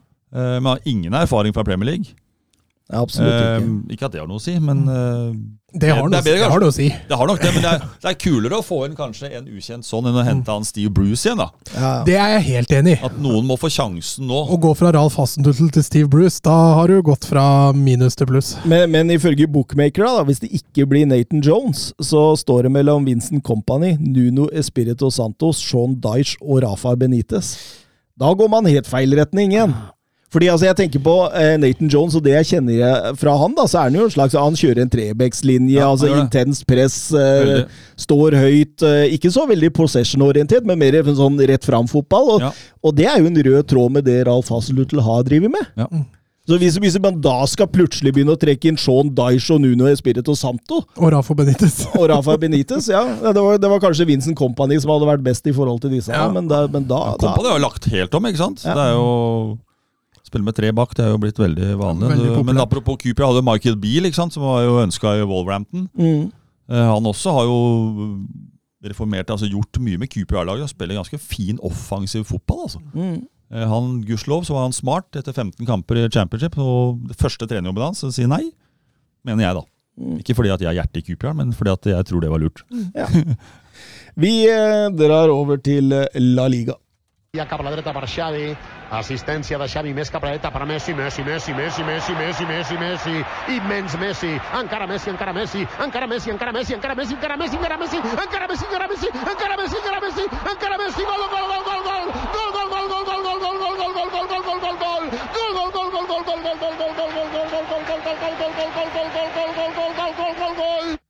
Ja, og det første vi skal til da, er Barcelona mot eh, Almeria, og eh, Gerard Piquet, han takka for seg. Ja, og det var jo emosjonelle scener. Nå, altså, det, det er litt sånn rart å se, for det er en kamp midt i sesongen som har betydning for begge. Men når han går av og får ta sin runde og klemme på alle og alt det der, det føles som en sånn siste sesongkamp eh, i løpet av en sommer. Ingen har noe å spille for og alt det der. Men uh, med tanke på den statusen han har i klubben, uh, og hva slags spillerkarriere han har hatt, er jo det fullt fortjent at han får de minuttene der. Ja, ja, starta kampen som kaptein og, og fikk lov å avslutte med stil. Litt merkelig avgjørelse å, å gi seg kanskje nå, eh, men med tanke på at han ikke får spille, han eh, ville ikke sitte på benken, så gjør han også klubben en stor tjeneste når han sier fra seg ganske mange millioner i lønn, eh, som både frigjør for at Barca kan hente spillere igjen i januar, som de ikke har penger til egentlig, men som de allikevel har penger til. Eh, så han, han er jo helt klart en, en legende. Ligger også helt i toppen i antall spilte kamper for Barcelona. Så det var klart det ble jo emosjonelt når han, han gikk av der. Han har vunnet VM, EM, Champions League fire ganger, La Liga åtte ganger. Og, og på mange måter så, så, så, er han for meg altså, eh, en av de liksom større i moderne fotball. Da, fordi han, han er med på en måte definere fotballen, og, og, og med det så tenker jeg på at hvordan han var med Pep Guardiola og utvikle den spillende type midtstopper. Mm. Det var jo egentlig Han var jo en av de første som Ja, han var litt pionertypen til akkurat den biten der, og, og Piquet Puyol var jo et legendarisk stoppepar, selv om de kanskje ikke fikk så mange sesonger sammen som de burde, så, så var, eh, var Piquet litt banebrytende i form av at, at han var veldig spillende type, samtidig som han, han hadde fysikken til en stopper, da. mm, Absolutt. eh, Ja, banebrytende kanskje å ta litt i, men, men ja, du skjønner hva jeg mener. Jeg leste lest litt om Victor Valdez når de skulle sette i gang dette med spillende stoppetyper. Han hadde hjertet i halsen opptil flere ganger. Han var så redd for at eh, de skulle, når de skulle begynne å drive den type fotballen, men Pep Guardiola sa vet du hva, vi henter de riktige stoppere. da. Ja, Og så sa han også det at jeg tar på meg fullt ansvar hvis dette går dårlig. Dere skal bare spille, dere. Jeg tar ansvaret. Jerv har ikke så mange spillende stopper som Arne Sandstø innfører den til Øvre Tveit her. Jeg tror jeg skal gå i kjerka og der nede i bedehusene på Grimstad her før kampen. Altså. Levemyr, Innby Må ha noen typer, det har ikke dem. Eh, Men eh, ja, Barcelona kommer jo ut i 190 her, og, og eh, nærmest eh, kjører over Almeria fra start. og Får tidlig straffespark, Lewandowski bommer. Ja, voldsomt òg. Du ser han treffer feil. ja, Han men, bommer jo på ball. han bommer på ball. men altså, det er jo altså noe med det altså, Da har han jo et kjempetullete tilløp. Uh, jeg skjønner ikke hvorfor han driver med det. En sånn blanding av Jorginho-tilløp og litt sånn Pogba-tilløp. Ja, eh, fryktelig. Og han er, jo, han er jo en så erfaren og god spiss som har tatt eh, voldsomt mange straffer i sitt liv. Hvorfor ikke bare gå for det trygge og sette den som man pleier? Ja, men Pleier han ikke å ta så lite hoppestraffe? Nei, jeg, ikke som jeg er vitsen husker. egentlig? Jeg blir irritert, altså. Fart! Og så klinker du til. Få ordentlig fart på ballen. Blir ferdig med det. Ja, og så sikter du godt nok, og så er han inne. Ferdig. Ja, ja, ja. Nei, det var en klønete start. Nei, Jeg er helt enig. Barca går ut i 100. Dem, eh, det er lenge siden jeg har sett dem så gode i gjenvinningsspillet. Eh, offensiv markering. Alt er klasse når de ikke har ball. Og så syns jeg selv Altså, det er litt svakheter i etablert angrep. Eh, de tør ikke å sende fram nok folk. De greier ikke å skape nok trusler på Almeria.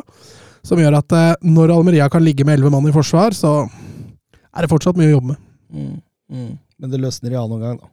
Ja, og det er jo enkeltmannsprestasjoner og, og kont kall det kontringer da, når de vinner ballen gunstig. Det er jo da Barca skaper mest. Dembélé som står for den eh, ja, skal vi si, fantastisk scoring, litt sånn Messi-like. eh, Drar seg inn fra kanten og, og sentrer den i hjørnet, rett og slett. Og, og vanvittig viktig scoring når de har stått og stanga så lenge som de har gjort. Mm, mm. Og Frenkie de Jong setter 2-0. Det er Frenkie de Jong som ikke, i hvert fall ikke skulle spille Europaliga på Old Trafford, og så viser det seg at han kommer til å gjøre det likevel. fader! Ja. Det var ikke her jeg skulle være, nei. Men uh, grei 2-0-seier der, og, og Barcelona jeg, jeg, Som jeg sa til dere her, jeg syns eh, bevegelser, uh, variasjonen i spillet, trykket, kontradekninga Jeg syns dette er noe av det beste jeg har sett Barcelona denne sesongen. Uh, sånn jevnt over. Um, det roer seg litt mot slutten, men det, nei, det, det var ikke, kanskje kun pga. Piquets ærerunde. Ja, han ble jo bytta ut i det 80. eller noe sånt, og etter det var jo kampen død. Mm, mm. Og så Ansu Fatu, da. Han, han bommer på alt, han. Ja, akkurat nå gjør han det. Ja, det er synd, egentlig. Han er jo såpass stort talent. Han er jo fortsatt ivrig i forhold til bevegelser og, og det å ville ha ball, men altså det er De Jong skårer jo på en retur etter at Mm. han er aleine med keeper, så han, han brenner jo på alt. Nei, jeg, jeg tror det løsner. Jeg tror han bare trenger, ja, trenger, trenger, trenger en scoring, og så løsner det. Jeg tror det. Han, eh, han gjør jo, som du sier, mye rett. Men det er jo her Basha har utfordringene sine, for de har jo fire kantspillere som alle forventer førstelagsspill. Mm.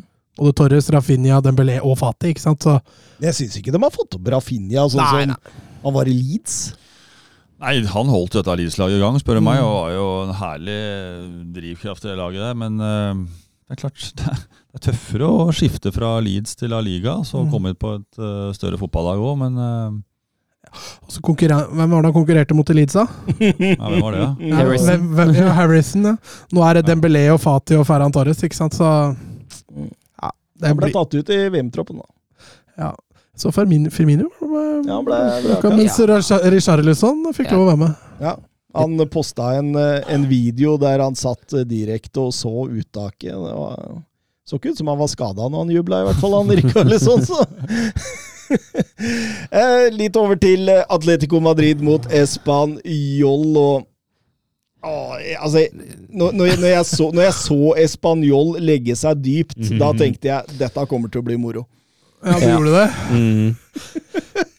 Men, men eh, et rødt kort forandrer jo og mye av det, og det blir jo et eh, stort kjør etter hvert mot eh, Spanjol. Ja, og Atletico er jo, er jo Særlig i andre omgang uh, syns jeg Atletico begynner også å skape ordentlige trusler uh, mot Español, greit nok. Men det er Español som tar ledelsen fullstendig mot spillets gang. Fullstendig ut av det blå. Men uh, sånn blir det nå. Ja, altså, jeg syns eh, Spesielt i den kampen her så skinner det litt igjennom Atletico-problemer. Altså Når du møter et lag som legger ti mann i, i og rundt egen 16-meter, så Altså, det blir jo først når Felixen setter i gang. Det er da det blir, eh, blir litt fart på, på Atletico offensivt. og Jeg vet ikke hva Felixen har gjort det mot Simione, men han får jo fanken ikke spille, uansett hvor bra han gjør det når han kommer inn. da. Jeg syns det er tjenesteforsømmelse Mm. av Diego Simione å vente så lenge på å slippe løs Joao Felix i den type kamp. Mm. Altså eh, Ja, Felix, altså Han kommer inn, skårer, og så har han to kjempesjanser til etterpå. Den brenner han riktignok, da, men det blei plutselig mye større sjanser med en gang han kom på banen. Ja, på sine 21 minutter på banen så har han dobbelt så høy XG som den neste Atletico Madrid-spilleren på lista. Mm. Altså på 21 minutter! Mm. Så det, det sier jo litt, da. Ja, og særlig, når, når han kommer så inn i en situasjon der de faktisk ligger under 1-0 mot ti mann, og motstanderen bare parkerer alt de har. Det er jo ikke optimale arbeidsforhold til å skape en høy XG heller. Nei, jeg syns det er litt rart. Eh, men jeg har sagt det før, jeg tror uh, Simione er Han har nådd taket sitt. Jeg tror eh, Atletico må videre. Felix setter 1-1 og, og redder i hvert fall noe, da, men um, Skuffende resultat for Atletico. helt klart. Fredrik Konradsen på Twitter. Diego Simione, hvis det ikke blir ny kontrakt i Atletico Madrid, hvilken klubb kan være den neste? En etablert toppklubb eller et nytt prosjekt hvor man kan slå litt nedenfra? Hva tenker du? Det er et vanskelig spørsmål. Eh, Ja, Hvor passer den inn, liksom? Vært lenge nå i samme klubb, ikke sant. Eh, så er det Men det at fotballen forandrer seg sånn ja, nå, ikke sant? Så, det, så altså. klubben Hva er det som han kan komme inn med i en Ja. etablert klubb, da? Det er litt det jeg mener, da. Altså, det, det er jo, den fotballen har jo skifta litt. Altså, den Atletico Madrid-fotballen vi kjenner nå Det er jo nesten ingen klubber i toppfotballen som spiller sånn lenger. da. Nei. Chelsea hadde litt sånn under Mourinho, at de var litt der kyniske og sånne ting. Ja. Um, Rildo elsker jo dette laget her. Ja, Ikke sant? Men, man- men det er jo liksom klart Si han skulle ta over en etablert klubb, da, så kanskje det er enklere, da, for da er det jo et eller annet som er inni vegga der. Men har, kan han endre på seg, han, da? Det er jo det han ikke kan. Det er det Nei, jeg, ikke sant? jeg tror ikke han er Det tror ikke jeg heller. Ikke sant? Det er jo Han hadde vel eh, fått eh, beskjed av styret i Atletico at uh, vi ser helst at du går over til mer underholdende, litt sånn angrepsfotball, for nå har vi, føler vi at vi har stallen til det. Ja. Og da hadde han gitt bare beskjed om at it's my way or highway, liksom. ja. Juventus, da? Ja, han, han kunne ha passa der. Ja, med tanke på at de, de nekter jo å fornye seg, jo. Så Ja. det, og det er jo litt sånn uh, samme De prøvde å fornye seg i to år, og så ble de livredde. Yep. Og gikk tilbake til det trygge. Ja, Kynismen, er det, noe, er det negativt, da? Jeg, er litt sånn, jeg tenker litt sånn det, Du kan ikke bare underholde og tenke offensivt og skåre ti mål. Altså, Norge under Drillo, da, for langt, langt tilbake, selvfølgelig. Vi var veldig fornøyd. Vi ga resultater. Det, vi kom oss til sluttspill. Vi gjorde ting. Spilte på en fotball som var for mange som så på dette, var dritkjedelig. Eh, Fjellaper. ja, men altså, herregud. Vi vant jo aldri mer kamper enn de gjorde, og vi fikk jo resultater. og et, Si at han tar over et lag som kanskje ikke har de store spillere, men har en uh, tropp som er eh, arbeidsvillig, de er, det er trøkk i dem, og så får han mye ut av det på å spille på en sånn måte. Og resultater. Ha! Hadde jeg vært supporter for det laget, da? Han er min mann, har jeg tenkt da. Ja, Jo, men det er litt derfor jeg tror Jeg vet ikke om han passer inn i en storklubb. Nei, nettopp! Men at han tar over Wolves eller et eller annet sånt, da, det kunne jo vært Wolves er jo også en historie med sånne type trenere, da. Det er- Ja, det er derfor jeg mener at Ja. der hadde han jo passa inn. Mm. Kunne bygga opp Wolf. Men altså, jeg tenker også, jeg er jo enig i det, men samtidig, uh, hvis den type fotballen ikke fungerer, da er jeg som, altså jeg er som supporter mye lettere å se en kamp vil jo underholde og tape 2-3. Det er sånn, ok, greit, vi gjorde i hvert fall et ærlig forsøk, og så ser jeg det da, tape 0-1 uten å egentlig prøve, for det er jo sånn det ser ut når det ikke funker, og da har jeg mye, har jeg mye lettere for å få nok av det også. Altså, jeg har sett Atletico ligge under 1-0 og ikke sende fram spillere Ja. Mm. før er overtid. Liksom. jævlig frustrerende, som du er inne på. Mm. Det vil jo være Ja, og det ser jeg, og Lillestrøm også et godt eksempel på oh, det ja den da. siste tida, da. Men oh, ja da. Du trenger mål, da, og så bytter du spiss med spiss. Da tenker du også at du prøver jo ikke å, f- å, å forandre noe. Du prøver jo bare å kjøre på samme vant, og så bare håpe at du får endra rytmen litt. da. Absolutt. Eh, Vi går over til El Gran Derby. For en fotballkamp, Jørgen! Ja, det var sjuke greier. Altså. Det, var, uh, ja, det var morsomt å se på. Det var uh, situasjoner der da, hvor uh, mange røde ble det. Det ble fire røde hvis vi tar med benken. Ja, ikke sant? Eh, og De to første her er jo i hvert fall greie, er de ikke det? Jeg syns jo det. Den første, og Han klager noe fryktelig. Som får det første, og det er jo ikke noe å klage på, er det det? Nei, han er, Strak bein i Ja, det, ja, det er akkurat det. og det er jo, han, han går jo ikke av banen. Han kunne fått to røde, han. Og helt tullebass. Gonzalo Montiel, ja, argentiner med litt sånn Altså, du merker det på argentinere. eh, Cristiano Romero, eh, Lisandro Martinez. Det er, de er litt fyrige. De er litt Ja. uh, Passionate, kan vi kalle det det? Men du ser flere av gutta Rakitic var borte flere. Han må dra ham bort. var- liksom, nå, nå, må du, ja, men altså, nå må du roe deg ned, så kommer du til å få flere kamper på oppførselen din. Liksom. Han var jo, hadde fått muligheten, han hadde jo klinka ned, han dommeren der. Ja, på Fikiri her òg, når Lamela går bort Ja. etter det røde. Å, fy flate, det. Men det er jo, det er jo riktig mann, det er jo riktig mann da. Bare si en liten ting der. Hvis du vil, Så altså hvis du skyter inn Argentina, da. eh, Det var cupfinale i, tror jeg det var, i Argentina nå til helga. Den endte med ti røde kort. Ja, den så jeg. var- Han dommeren skal dømme VM! Ja. Han dommeren skal dømme VM! Boca Juniors mot, Mot, eh, eh, var det Racing Club? Ja, stemmer. Det er jo helt galskap. Men jeg tror, Alle tror kommer jo langt inn i andre ekstraomgang. Japp. Det var sju røde kort på under fire minutter der. Men det er jo sånne derbyer som det er, som er fantastisk å se på. da. At det er klart eh, Mye utenom sportslig, men på en annen måte. Og det er jo Hva gjør man da når man får en mann utvist og to mann utvist? Og, ikke sant? Det er jo taktiske spillet der. eh, Altså, jeg, jeg, jeg tenkte liksom Ser jeg El Clásico for 10-12 år siden? Ja.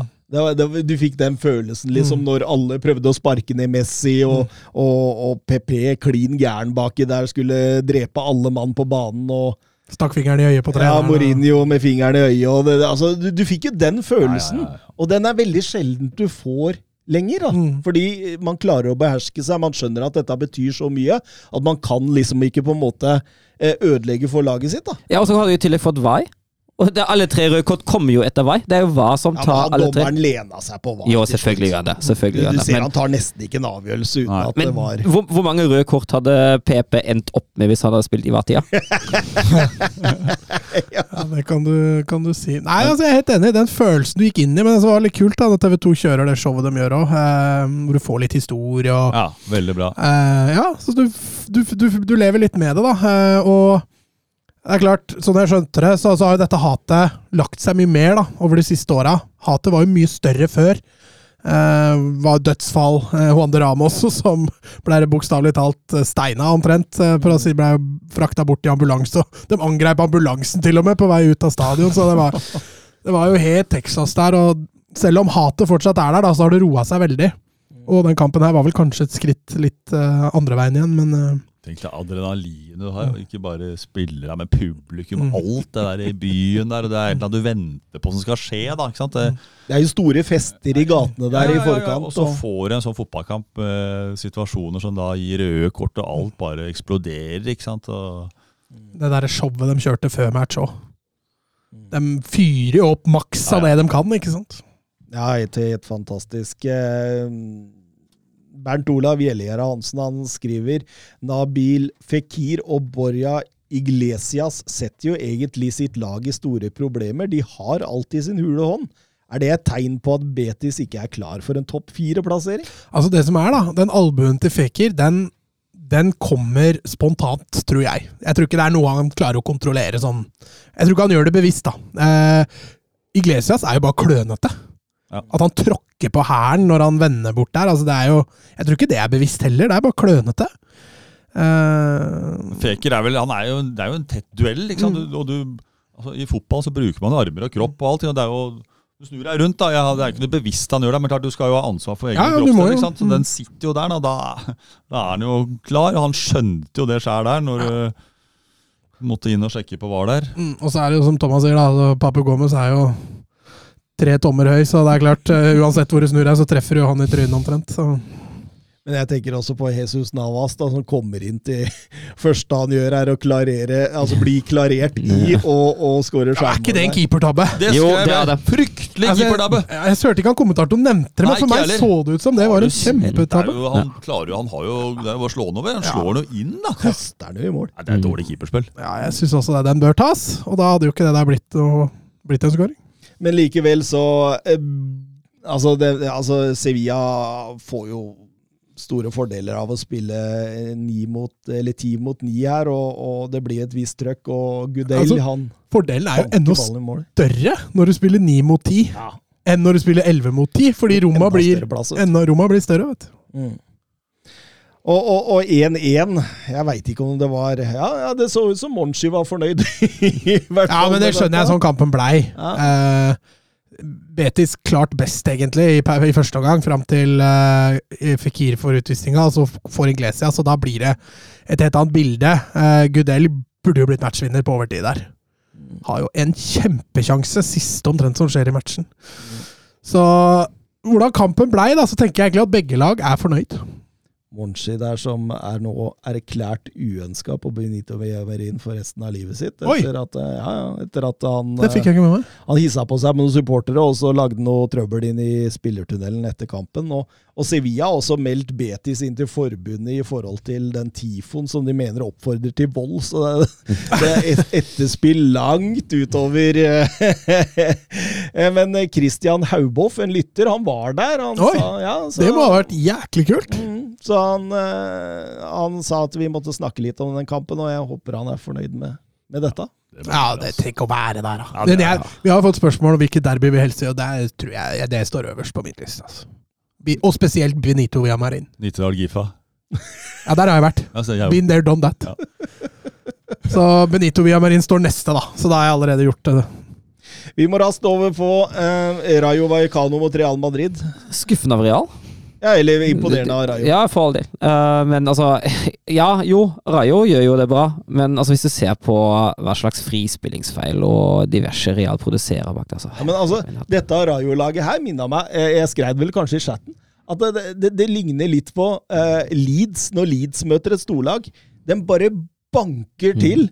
Med, med trøkk, med energi, med mann-mann, full rett oppi høyt press. De, de gir jo nesten ikke Real Madrid tid.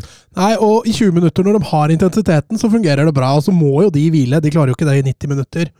Og de første 20, helt, kanskje 25 år, helt enig med deg. Eh, da er det Rayo som ser ut som et topplag, og Real Madrid som ser ut som et midt på tre-lag. Um, men som jeg sier, altså, du klarer ikke det. Du er nødt til å ta noen hvileskjær, da, og da kommer jo litt sånn klassen til Real fram, spesielt mot slutten av eh, første gang. De skårer vel på de to første avslutningene sine. Så. Ja, og så var det, var det et straffespark som ikke trengte å bli straffespark, og en kone. Og et straffespark ble tatt av Luka Modric, som er litt sånn Jørgen drev og snakka om at de ikke gjør noe fiksfakseri, men uh, Luka Modric òg, hvordan du ser han Han bare kikker på keeperen hele veien, og bare legger den i motsatt. Ja. Full kontroll. Ja, sånn skal det gjøres. Det er helt nydelig å se. Men, men, men, men Rayo, også, også måten de løfter seg etter de to på trynet Ja, ja, ja. Det er helt ekstremt. Og den Alvaro Garcia-skåringa, det, det tror jeg ikke Courtois så komme engang. Eh, Den kom så fort at da han rakk ikke å få opp votta engang. Det var helt konge. 2-2 inn til, til pause der. Og man tenker jo da at Real Madrid skal ta fullstendig over, men, men, men, men altså, Rayo Ja, de får uh, fylt, på, fylt på litt diesel på, på motoren sin, og så durrer de i gang igjen i andre omgang. Og, og Real Madrid kommer egentlig ikke inn i matchen igjen før lenge etter Rayo har tatt ledelsen. Ja, absolutt ikke. Absolutt ikke. Jeg syns de sliter voldsomt i store deler av Og du ser også Fede Valverde, vi har jo vært inne på det også. Altså Når han blir trukket inn sentralt i banen, så fungerer han jo ikke. Nei, og ikke defensivt heller. Altså, det er jo det, det som uh, Rayo kanskje gjorde mest i den kampen, det var jo de sideforskyvningene når de hadde ballen. Og alltid ut mot venstre, og alltid inn, uh, inn i rommet rundt Fede Valverde. Det er greit, må de må også ta, Nei, unnskyld, Carvajal uh, må også ta litt ansvar. Ja, han, Men- han flytter jo beina like fort. ja, ja helt katastrofe. Men uh, jeg, syns, uh, jeg syns det var noen situasjoner jeg tenkte hva driver Valverde med defensivt, altså. Så syns jeg vi må snakke litt Venicius junior, for nå begynner han å irritere meg. Ja. Nå begynner han å irritere meg skikkelig, liksom. Ja. Altså, altså, altså Vi snakka jo om skyggesidene sist, at han provoserer fram reaksjoner på motstandere for å og, og, og, og utnytter det med å filme og overspille og med den hensikt av å, å, å skaffe et rødt kort på motstander. Og så nå også hvordan han liksom må bli henta av Angelotti for at han ikke skal liksom snakke på seg et rødt kort. Og, og seinere i kampen også, når han får et kakk i nakken der og later som det er ansiktet og hiver seg rundt i god Neymar-stil. Altså, slutt med det når du er så jævlig god! Hæ? Ja, ja. Det, det er jo helt meningsløst å drive på sånn. Nei, han, var, han er slitsom å følge med på når han holder på sånn, og og i hvert fall når han får en kamp da, hvor han ikke greier å underholde på den måten han gjør heller. Du- Jeg tror han tyr litt til det når han selv også blir frustrert. da, at det, eh, Ulv-ulv, da. ja, Når det først er noe gærent. Ja, jo, det er jo for sant òg, men han blir jo kakka ned. Det er jo Ja ingen da. tvil om. Han Jo får mye støttrøkk, han spillestilen hans tilsier jo det. Men Ja når du gjør 100 ut av hver situasjon, da, får du en liten laps i øret, så har du vondt i øyet og sånn, og det Nei, det er, det er slitsomt å se på. Et par ord om Fran Garcia, Mats, før vi går videre. ja, han, det var vel han som lagde det straffesparket, og så Nei, han er jo et Real Madrid-produkt, så det var, eh, det var jo artig, det, når han durer opp og ned den sida der. og For en fantastisk kamp han har, hvis du ser bort fra det straffesparket. Ja, ja. Nei, han, han hadde noe å bevise, han. Og det skulle vise gamleklubben hva de har gått glipp av. Det er klart det at Å gå inn på den posisjonen i Real Madrid hadde jo ikke vært lett uansett, men, men han viser jo her at han Men det er litt sånn Rayo. Han med resten av Rayo-laget de løfter seg litt, sånn som du påpeker på når de møter. Altså, nå har de tatt ett poeng på, mot Barca, de har tatt ett poeng mot Atletico, nå tar de tre poeng mot Real. De har tatt fem poeng da, mot de tre store i La Liga på, på tre kamper, og det, det sier jo litt. Noen få ord før vi går over til Bundesliga om Kike igjen start i, i Villarreal. Nei, som jeg sa, det har vært uh, helt forferdelig. Han har jo starta med to uavgjort og tre tap, vel. Eh, nei, unnskyld, én uavgjort og fire tap er det, for de tapte jo siste kampen i, i gruppespillet i, eh, i Conference League. Så nei, det har ikke vært bra. De har riktignok mye ball, som du påpekte, og det er jo kjent, uh, kjent Kiki Setien-stil, eh, men resultatmessig totalt fraværende. Nå i helga røyk de altså 2-0 hjemme for Mallorca. Det Nei, det, det lover ikke bra. Her må de, eh, må, de, må de rett og slett skjerpe seg litt. Må bli mer direkte. I Conference League har de hatt 3-0-tap mot Lech Poznan og 2-2 mot Hapoel Bersheva. Mm. Det er Men da var de jo allerede videre, da. ja. Så du kan jo godt si at de har spart seg litt også, men eh, jeg er helt enig. altså Selv Villarreal sitt eh, B-prega lag skal uh, hente flere poeng enn ett poeng i de to kampene. Altså. Vi går over til Bundesliga. Er macht ein richtig gutes Spiel. Jan Schimonek. Die Wolfsburger lassen so gut wie nichts zu. Grafit. Grafit gegen Lell. Jetzt wird's eine Demütigung. Guckt euch das an. Bist du verrückt? Bist du verrückt? Tor des Jahres. Die Bayern der Lächerlichkeit preisgegeben. Vi kjører på med Dortmund mot eh, Bochum, eh, Søren Dupker, og jeg regner med du fikk sett den? Den fikk jeg sett, vet du. Eh, ja, det er jo vi Bochum i sin vanlige, i sin vanlige stil. Uh, høyt pressende. Eh, men i den kampen har jeg Dortmund Altså, det, det står 2-0 etter 12 minutter. Uh, fin skåring av Mokoko, straffeskåring av uh, Reina. Uh, og så ser det ut som at Dortmund slekker han voldsomt. Uh, ta, gjør for lite for tidlig. Um, er ikke helt trygge bakover. Du har jo en uh, skåring som er annullert for en minimal offset av, uh, av Hoffmann. Um, og så virker det som at det er sånn litt sånn 80 %-kamp til det. Så tar Mokoko 3-0 for pausen, og så det et stolpeskudd for Bochum rett etter pausen. Men etter det skjerper Dortmund seg. Uh, når den banen da går i stolpe jeg tror jeg 46. minutt til og med. Uh, så så syns jeg Dortmund har god kontroll resten av kampen. Så skjer det ikke voldsomt. Men jeg syns det er litt sånn, litt sånn oppsiktsvekkende at det blir, at det blir sånn slekk for tidlig, da. Det, det bør, de, bør, de, holde seg for gode for. Det jeg tar med meg fra den kampen der, da, utover at Dortmund var bra tidvis, og at Mm. Mokoko er en Ja, Mokoko, han, han han er- til Er vi vitne nå kanskje til hans store, store gjennombrudd? Ja, jeg syns Jeg det. Jeg syns det. det. Eh, Og han har jo ny rekord nå. Han har jo skåra nå Han er den yngste til å nå ti mål i Bundesliga. F før han har fylt eh, 18 år. Ja, det Det er er sterkt, altså. Enorm. Ja, ja, helt enormt. Han, altså, tenk deg, han, han, jeg føler jeg har hørt om han i ti år. Ja, Han har jo det! Han satte jo rekorder satt på jo- rekorder når han var i ungdomsavdelinga til Dortmund òg. Men vi satt jo i studio her og satt og venta på at han fikk lov til å begynne å spille i, spille i Bundesliga. Ja. Han, er ikke, han blir 17 nå, han er 18 nå. Ja. ja. Og, og er sannsynligvis Tysklands VM-spiss i sommer, kanskje? Ja, Nei, altså, ikke så, det blir ikke sommer nå! Nei, nei blir, jeg, jeg, jeg håper jo at han blir med i troppen. Har jo fortjent det. Uh, nå er jo Werner ute med skade. Han går jo glipp av VM. Eh, Så er det snakk om uh, fullkrygg. Lukas Nemecha har jo vært eh, en del involvert i landslaget. Jeg syns jo sjøl at Nemecha ikke har hatt, eh, hatt en god høst nå etter skaden. Eh, siste mål han skåra var mot Köln. Uh, skåra han to, og siden har det vært veldig stille fra ham. Eh, så det kan hende at den plassen eh, i landslaget vakler ganske kraftig. Eh, og jeg syns jo egentlig at akkurat nå er de to beste spisser uh, Fullkrug og Mokoko. Og da tenker jeg egentlig at det, det er plass til begge to. Da, selv om jeg er Wolfsburg-supporter, bør Nemecha vrakes. Jeg hadde jo da, jeg kommenterer litt tysk fotball òg, ikke mange kamper, men sånn av og til. Eh, Du kan jo mye mer tysk fotball enn meg, så jeg sitter og lytter. Men det, jeg hadde Werder Bremen mot Schalke da, på lørdag, og da var jo Fyll Krog riktig uttalt. Ja. Takk. Jeg hadde, tysk, jeg hadde tysk på skolen. Ja. Gikk til helvete, men Han har fint ribbe ned ved noe til forsiden. ja.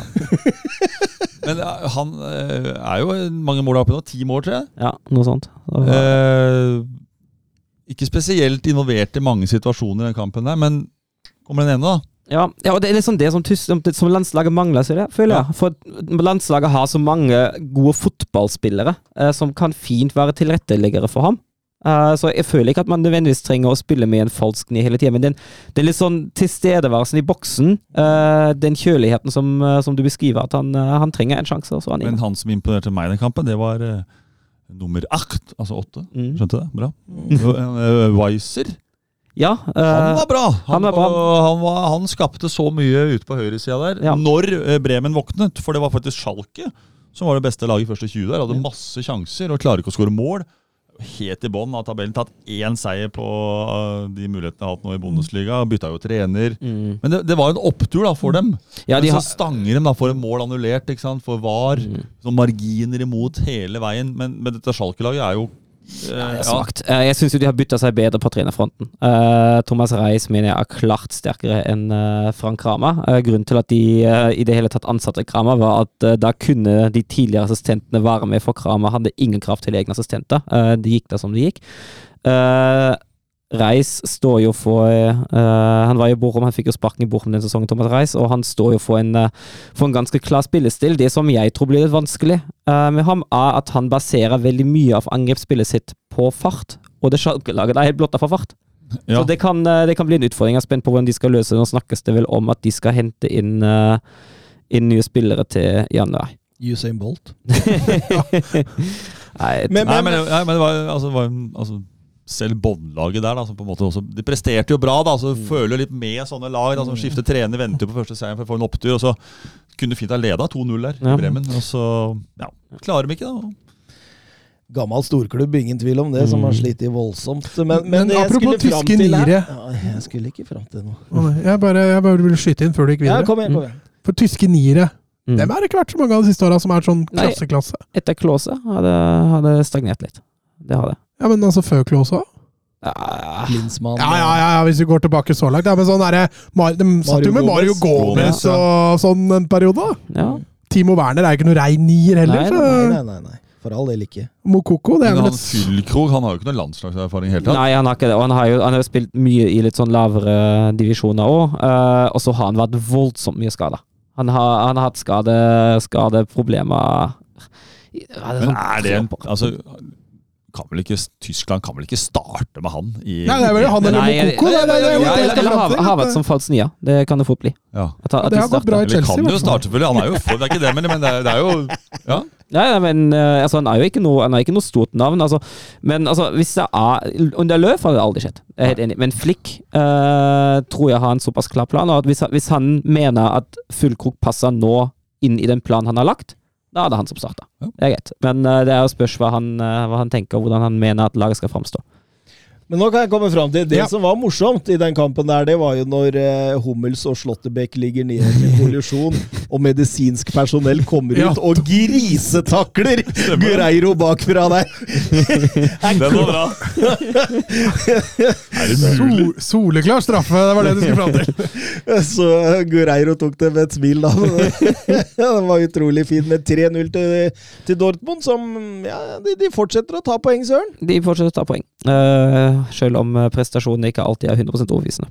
Men altså, den, seieren er fortjent, bare så det er sagt. da. Og nå over til ditt kjære Winning eh, Ja, faktisk. Hva er det som skjer, søren? Nei, godt spørsmål. Altså, den, den seieren her, det var altså, Spillemessig var det sånn tilbake til, til noen gamle synder, uh, syns jeg. Uh, det virker sånn på første øyekast at uh, Kovac og Wolfsburg blir tatt av senga av at uh, Bo Svensson spiller Bo Svensson-fotball. Eh, høyt press og aggressivitet. Eh, det jeg tror har skjedd, da, at eh, det har fungert ganske greit å frispille seg, i hvert fall mot Borom, eh, til tider også mot uh, Mönchenglattbach. At han har Kovac har overvurdert lagets evne til å bygge opp bakfra og spille seg fram, også når, når motstander presser. Uh, og han justerer seg jo etter 10-15 minutter der. Uh, slår litt mer langt, finner litt mer rom uh, ut på kant. Det ser jo litt bedre ut. Man kommer, kommer ikke alltid i det voldsomme Mainz-presset. Uh, det trykket avtar litt, men det er Mainz som har det klart beste laget. Mainz bør lede til pause. Wolfsburg skårer på sin eh, ene sjanse de får etter en corner, eh, ved Wimmer. Første skåring for Wolfsburg og Mainz har jo, har jo noen feite der, blant annet et stolpeskudd, og Castells har, har et par sterke redninger der. Men uh, Men 3-0 er jo 3-0 er fint, og andre omgang, andre omgang litt mer suveren. Ak- Akkurat idet Mainz begynner å, å presse litt på uten å skape noe voldsomt, så kommer jo 30 meter frisparket fra Arnold som får en fryktelig ekkel uh, bue for keeperen. Og da, da er kampen egentlig avgjort. Da kan man lene seg litt tilbake, og nå går det greit. Og så hadde det tidligere Mainz-spiller Ridle Bako som pokterer han. Wolfsburg på sosiale medier som lanserer Niko Kovacs ball! Da, da skjønner du at nå begynner det å Nå begynner det å løsne her. Nei, det, det, altså det, ser jo, det ser jo bedre ut. Og når jeg mener tilbakefall til gamle synder, så mener jeg ikke den der eh, Union Berlin-kampen som for meg var et all time low den sesongen her. Uh, null innsats, null plan, ingenting. Uh, jeg mener mer litt sånn tilbake til Augsburg og, og det nivået der. Uh, men eh, det er klart, bunnivået bunnivå det må, det må det fortsatt jobbes med. Det er stabilitet i det laget, at man presterer godt i flere kamper på rad. Eivind Stølen, hvor mange Wolfsburg-seire på rad må til for at Søren går til anskaffelse av lysegrønn frakk, hatt og crocs? Ti. Ti på rad, da kjøper du grønn frakk og grønn crocs? crocs. Ti, det var Ti på rad. Det har- litt lavere. Det, det, det har, klar, har vi klart én gang, da jeg vant gull i 2009. Da vant vi ti på rad på, på sesong og det må vi opp igjen før jeg skal kjøpe. Men, men da stiller du på Twitter i Ja, ja. Stille. Å, jeg stiller på Twitter! Ja, ja, jeg trodde du mente podkasten. Ja, det kan du godt er gjøre ingen òg, så som kan vi ser ta det bilde av Ingen som ser det allikevel. Nei, det er bra at vi ikke er på lineær TV, for å si det sånn. Lokal-TV. Hadde vi ikke hatt godt av. Eh, Jørgen Knutsen, eh, Max eh, Kruse er tilbake igjen og slenger med leppa mot kaptein Arnold, selvfølgelig. Men er trener Niko Kovac egentlig bare feig når han uttaler 'jeg bor på baksiden av månen'? Med andre ord, han gjemmer seg bak at han ikke har sosiale medier. Ja, og da kan jeg fortelle hva som har skjedd. Kruse har tidligere denne høsten uttalt at han egentlig har en sånn fire timers arbeidsdag mellom fra 9 til 13, og så er han ferdig med jobben sin. Eh, det har skapt litt reaksjoner, naturlig nok. Eh, og Arnold har i en bisetning i en podkast denne uka nevnt at han er en som trener veldig mye, som er mye på treningsbanen, eh, og at han ikke helt kjenner seg igjen i det da, uten å kritisere eller si noe mer. Og da ser jo Krose sitt stikk, da, til å skape litt uh, ja, stemning igjen, da. Og gå ut på Instagram bare Nå har jeg holdt kjeft i fem, uh, fem uker, men jeg er fortsatt i hodet på alle, åpenbart. Uh, og så er jo klart, de som ikke har noe talent, eller har betraktelig mindre talent, de må da trene mer. Det- Deilig å melde det! da- da går han ut til, mot lagkaptein. Uh, spilleren som har ledet Tyskland til U21-gull som kaptein. Uh, som har vært i klubben siden 2009. Er rekordspiller for klubben og den identifikasjonsfiguren uh, for supporterne og hele klubben rundt. Jeg veit ikke om det var så smart, men Max Kruse han er jo for øyeblikket skada. og han kommer jo tilbake til trening ganske snart, og da blir det vanskelig å se. og Det blir interessant å se hvordan Kovac håndterer det. Um, angående det utsagnet der Ja, det kan jo oppfattes litt feigt, men jeg tenker hva han sier i offentligheten er egentlig ikke så farlig, så lenge han, uh, han gjør det rett uh, internt, da. Ble det sagt med et glimt i øyet, eller var det Ja, altså han, er ikke på, han, har ikke, han sier sjøl han er ikke på Instagram, Facebook eller Twitter, uh, men jeg tenker at det egentlig bare var et utsagn for å Ja, men var det, var det Max Krose sa, var det Nei, det var fullt og helt alvorlig. Han uh, er ja. Nei, nei, nei, han, han, er- han lager bare trøbbel nå. Husker, det var vel Wilfred Saha det som blei så jævla forbanna på Brede Hangeland fordi han var ute og fortalte i noen Ja. TV-sendinger at eh, Wilfred Saha trente nesten ikke. Han var, var ikke interessert i det. Men, altså, det, det, og det er, det Var er det, var det full der med han? ja det var Nei, det var i Palace. Palace, var i selvfølgelig. Palace. Men altså, det ene er jo når, det, når du på en måte Når det på en måte er en lagkamerat som går ut og, og henger deg ut, da. Men det er jo Krose sjøl som har sagt han uh, jobber maks fire timer per dag, da. Det er hans, uh, hans eget problem.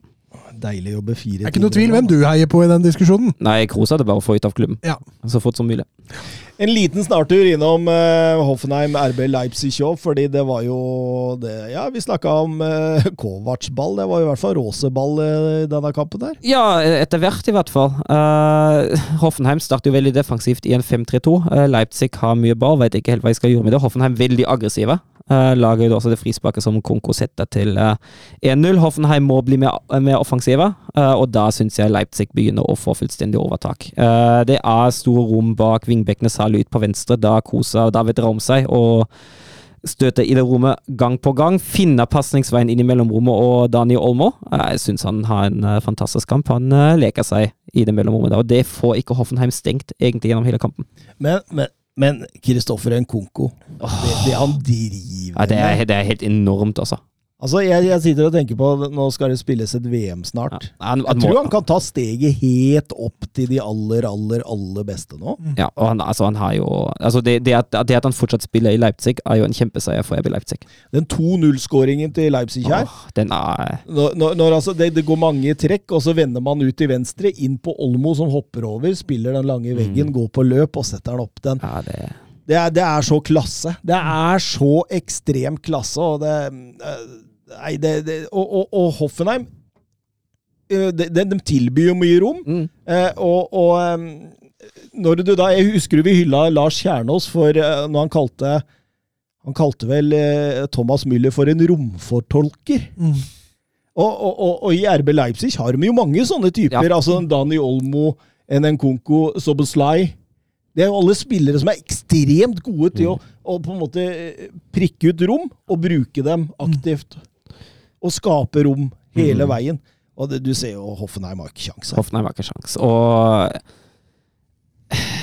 jeg tenker jo også at vi ser Vi har snakket litt om det defensive med Rås. Jeg syns jeg ser tegn til bedring. Jeg syns jeg ser tegn at det styrtes ikke utelukkende i press. Uh, jeg syns de har kontroll sentralt i banen. Du, får, du har den ene sjansen til Hoffenheim før pausen, og Guardiol driter seg ut. Uh, rett og slett. God redning av Blasvik der, som er tilbake i mål for Ja, det var litt synd, da.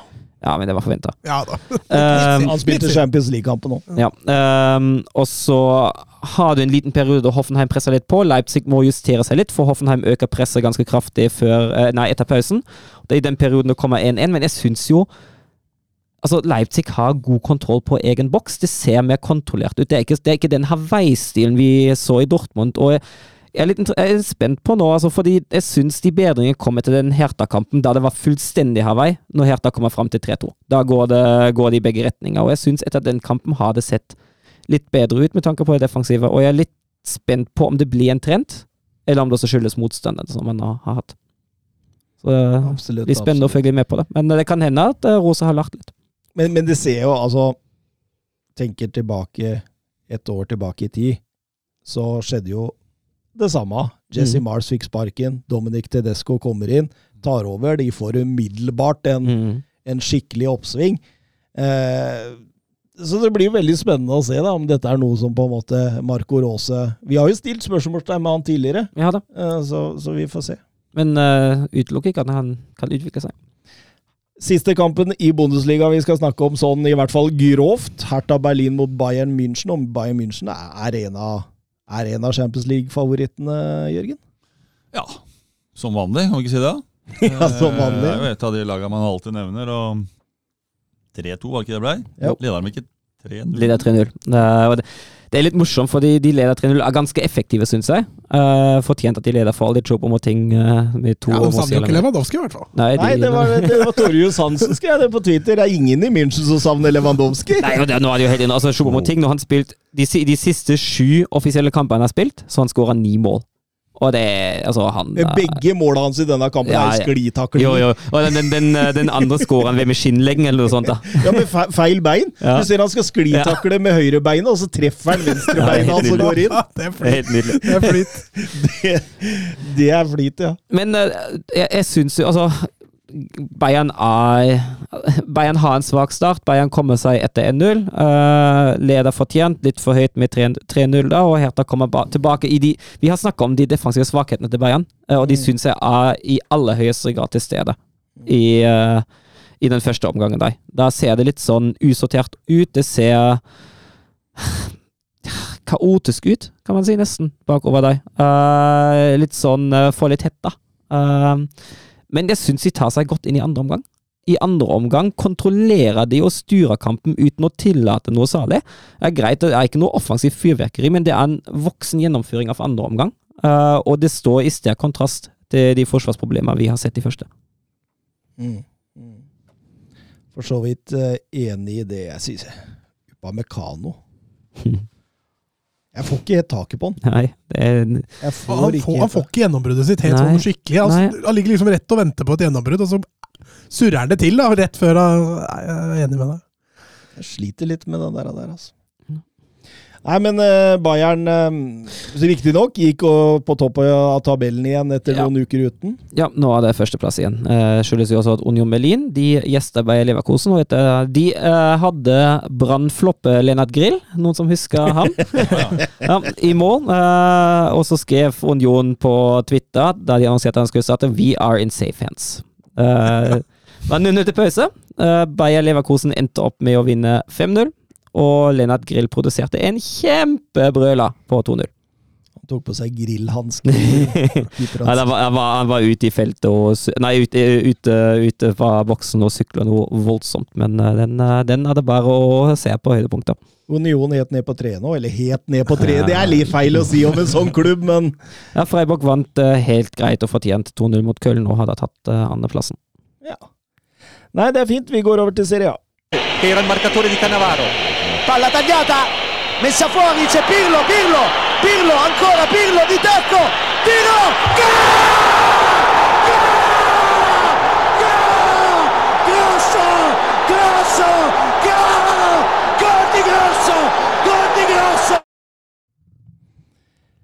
Yes, da går vi over til Serie A. Og eh, Jørgen, du skal vel uh, ha en kommentering nå, skal du ikke det? Jeg må nesten dra, vet du, gutter. Det er jo veldig hyggelig å være her. Og dere er jo så kunnskapsrike alle mannene. Jeg lærer jo å sitte her sammen med dere. Dritkult å høre med en uh, ordentlig tysk sjef uh, på sida her som kan mye om sitt hjemland. Sånn. Det driper jeg, Og dere andre var veldig gøy. Og kult, altså. Det, dette håper jeg blir bra å følge videre òg. For det er artig måte man prater om òg. Og dere er fotballfaglige òg, syns jeg. Altså, dere ser ball og kan diskutere litt, og det liker jeg.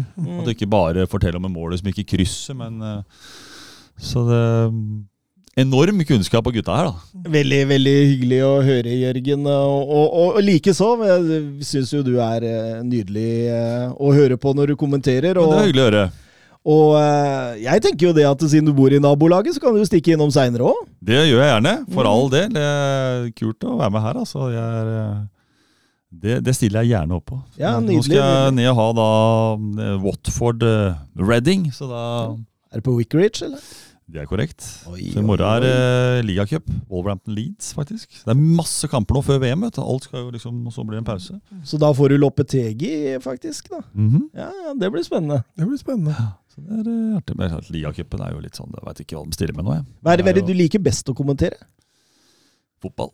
Ja, ja, ja, men jeg tenker på sånn, er det noe Divisjoner, serie ja, ja. Nei, altså jeg, er opp- jeg har jobba med norsk fotball i mange år. Jeg elsker jo det, og jeg, altså. Ja. Uh, Premier League er selvfølgelig dødskult. Bundesliga jeg, fått, Jeg har hatt bare tre kamper i år, for vi pleier å bytte litt på det. Han Eivind som har mye av det. Han har jo, men jeg, det må jeg være ærlig å si. Uh, den stemninga som er på de Bundesliga-kampene, når du tar på deg headsetet vi sitter jo off-tube, da. Oi, oi, oi! Du begynner å kjenne litt håra reiser seg sånn. Altså, det er dødskult. Det er jo det er som når du går på de fotballkampene her, det er en helt annen opplevelse enn å se en del Premier League-kamper. mm. Ja, men Det er jo dønn ærlig. Eh, Så tysk fotball er fortsatt litt sånn Ligger litt i, bak de andre, altså. Ja. Så det er, jeg tar imot alt. Jeg, og jeg liker jo championship sånn som i dag òg. Det syns jeg er gøy, for der er det mye engelske tradisjoner og litt sånn. Det er, det er mye av sjela i engelsk fotball. komment, så kommenterte jeg den første breddekampen i Norge mellom Kolbu, KK og Toten. Husker du den? Ja, Den hadde Drillo og jeg. Fy flate for en fotballkamp. 2000 tilskuere på Lena der. Opprykkskamp i fjerdedivisjon. Ja, det var på Toten. Det var på Toten. Vi satt høyt oppe, vi kom ikke ned. og skal du på do nå, Drillo? Må du gå nå, ikke i pausen? sa jeg til ham, for at, eh, ja, det, var, eh, nei, det var rått å være med på, altså. Vi hadde 16 kamera på den kampen. Ja, såpass. Så gøy. Det ja, det var, altså, det var lokale, altså. Mm. Og det var og, og, Kolbu KK de skåra helt på slutten, og det tok jo helt av. Fantastisk. Fantastisk. jeg har fortsatt kontakt med mange av de gutta der. Da. Det er jo... Men hjertelig takk, gutter. Tusen takk. Takk i like måte. Da, da mm, bare høres vi, vi, vet du. Gjerne det. Ja, eh, da sitter vi her eh, tre stykker igjen, da, men det er jo originalbesetningen, og den er bra, den òg. Ja, men det blei mye dårligere nå, altså. Ja, vi savner Vi kan ikke egentlig avslutte det, skal vi ikke gjøre det? Bare kaller det kvelden, og så drar vi hjem. Nei, sånn er det når det er sånne høyt prominente gjester som må Ja. ut og kommentere. Sånne A-kjendiser, ja. Ja, Skal ja. ut og kommentere championship. sliter vi da, men uh, vi kan i hvert fall uh, ja, Vi må snakke Napoli-Atalanta, eller en Atalanta-Napoli, for den var jo på bortetur her, og, og en toppkamp med nummer to mot nummer én på tabellen. Kanskje litt overraskende i utgangspunktet, men um, Altså At det var to lag som skulle kjempe i toppen før sesongen, det var vel ikke så overraskende. Men at det var disse to som som kanskje har sett best ut i så langt i år, da, det, det var litt overraskende. Og, og eh, det, det er jo et Atalanta som plager Napoli litt fra start her. Ja, det syns jeg. Uh, og Napoli uh, Ja, altså Vi ser jo at de ikke er usårbare, i hvert fall uh, i den kampen her. Selv om de har sett ekstremt gode ut. Ja, de har det, men, men her blir de tatt litt på senga av et ekstremt aggressivt Atalanta som, som på en måte Altså, de, de produserer gode sjanser, både overganger og dødballer, og du ser på en måte at Napoli blir litt sånn øh, Oi, dette her har vi ikke møtt tidligere denne sesongen. Eh, Luckman eh, setter en straffe der på 1-0 tidlig, og så, og så er det så viktig da at Napoli klarer å komme seg tilbake med én eneste gang der, og det er jo Victor Oshimen, Ja, det, Mats! det er ikke noe overraskende at det er han som, eh, som skyter dem inn igjen. Han eh, Altså, for en sesong altså, Han har til og med vært ute med skade, men han Nei, altså, jeg, tror, jeg vet ikke om du sa det mens vi var på lufta eller ikke, men, men her har vi kanskje arvtakeren til eh, Benzema. Altså. Mm. Eller Ken Sema. som- Ja, eller ikke Benzema. Benzema. Men, men for et trøkk! I flomlys på Gevis stadion i Bergamo. Det er Fantastisk ramme. Begge lagene har levert. Begge lagene leverer. Det er angrep på angrep. Det er morsom fotball. Og for en reklame det er for Serie A! Ja, og det er jo klart altså, det, er, det er jo litt sånn de to lagene som har kanskje den mest offensive spillestilen i hele serien nå, da. I hvert fall Mm. topplaga. Og Uh, kvalitetene til det. Enig. Uh, og da hadde man kanskje hatt lov til å bli litt skuffa hvis det ikke ble en sånn kamp, da. Og så, og så ser du styrken i Napoli igjen. Kvadraskela ute med en ryggskade. Eh, den personen som erstatter Kvadraskela ut venstre der, Eli Fellemas, Ja. setter 1-2. Og, og det er klart det at um, Nei, det, altså Selv om Napoli vinner 1-2 her, så, så, så, så er dette Atalanta-laget laget som har skapa størst problemer for Napoli denne sesongen. Ja, jeg syns du sa det fint inn. Jeg syns de plaga Napoli egentlig gjennom flere store deler av matchen. Eh, Napoli vinner vel denne matchen først og fremst på flyt eh, og, og selvtillit. Eh, Atalanta gjorde virkelig et ærlig forsøk for å stikke noen kjepper i hjulene her. Altså. Helt klart, og da fortsetter jo denne fantastiske Napoli-sesongen som de er i ferd med å stable på beina, og Felix Jansen han spør Victor Oshimen, kan det være spilleren som tar over for Benzema i Real? Ja, det kan jo det.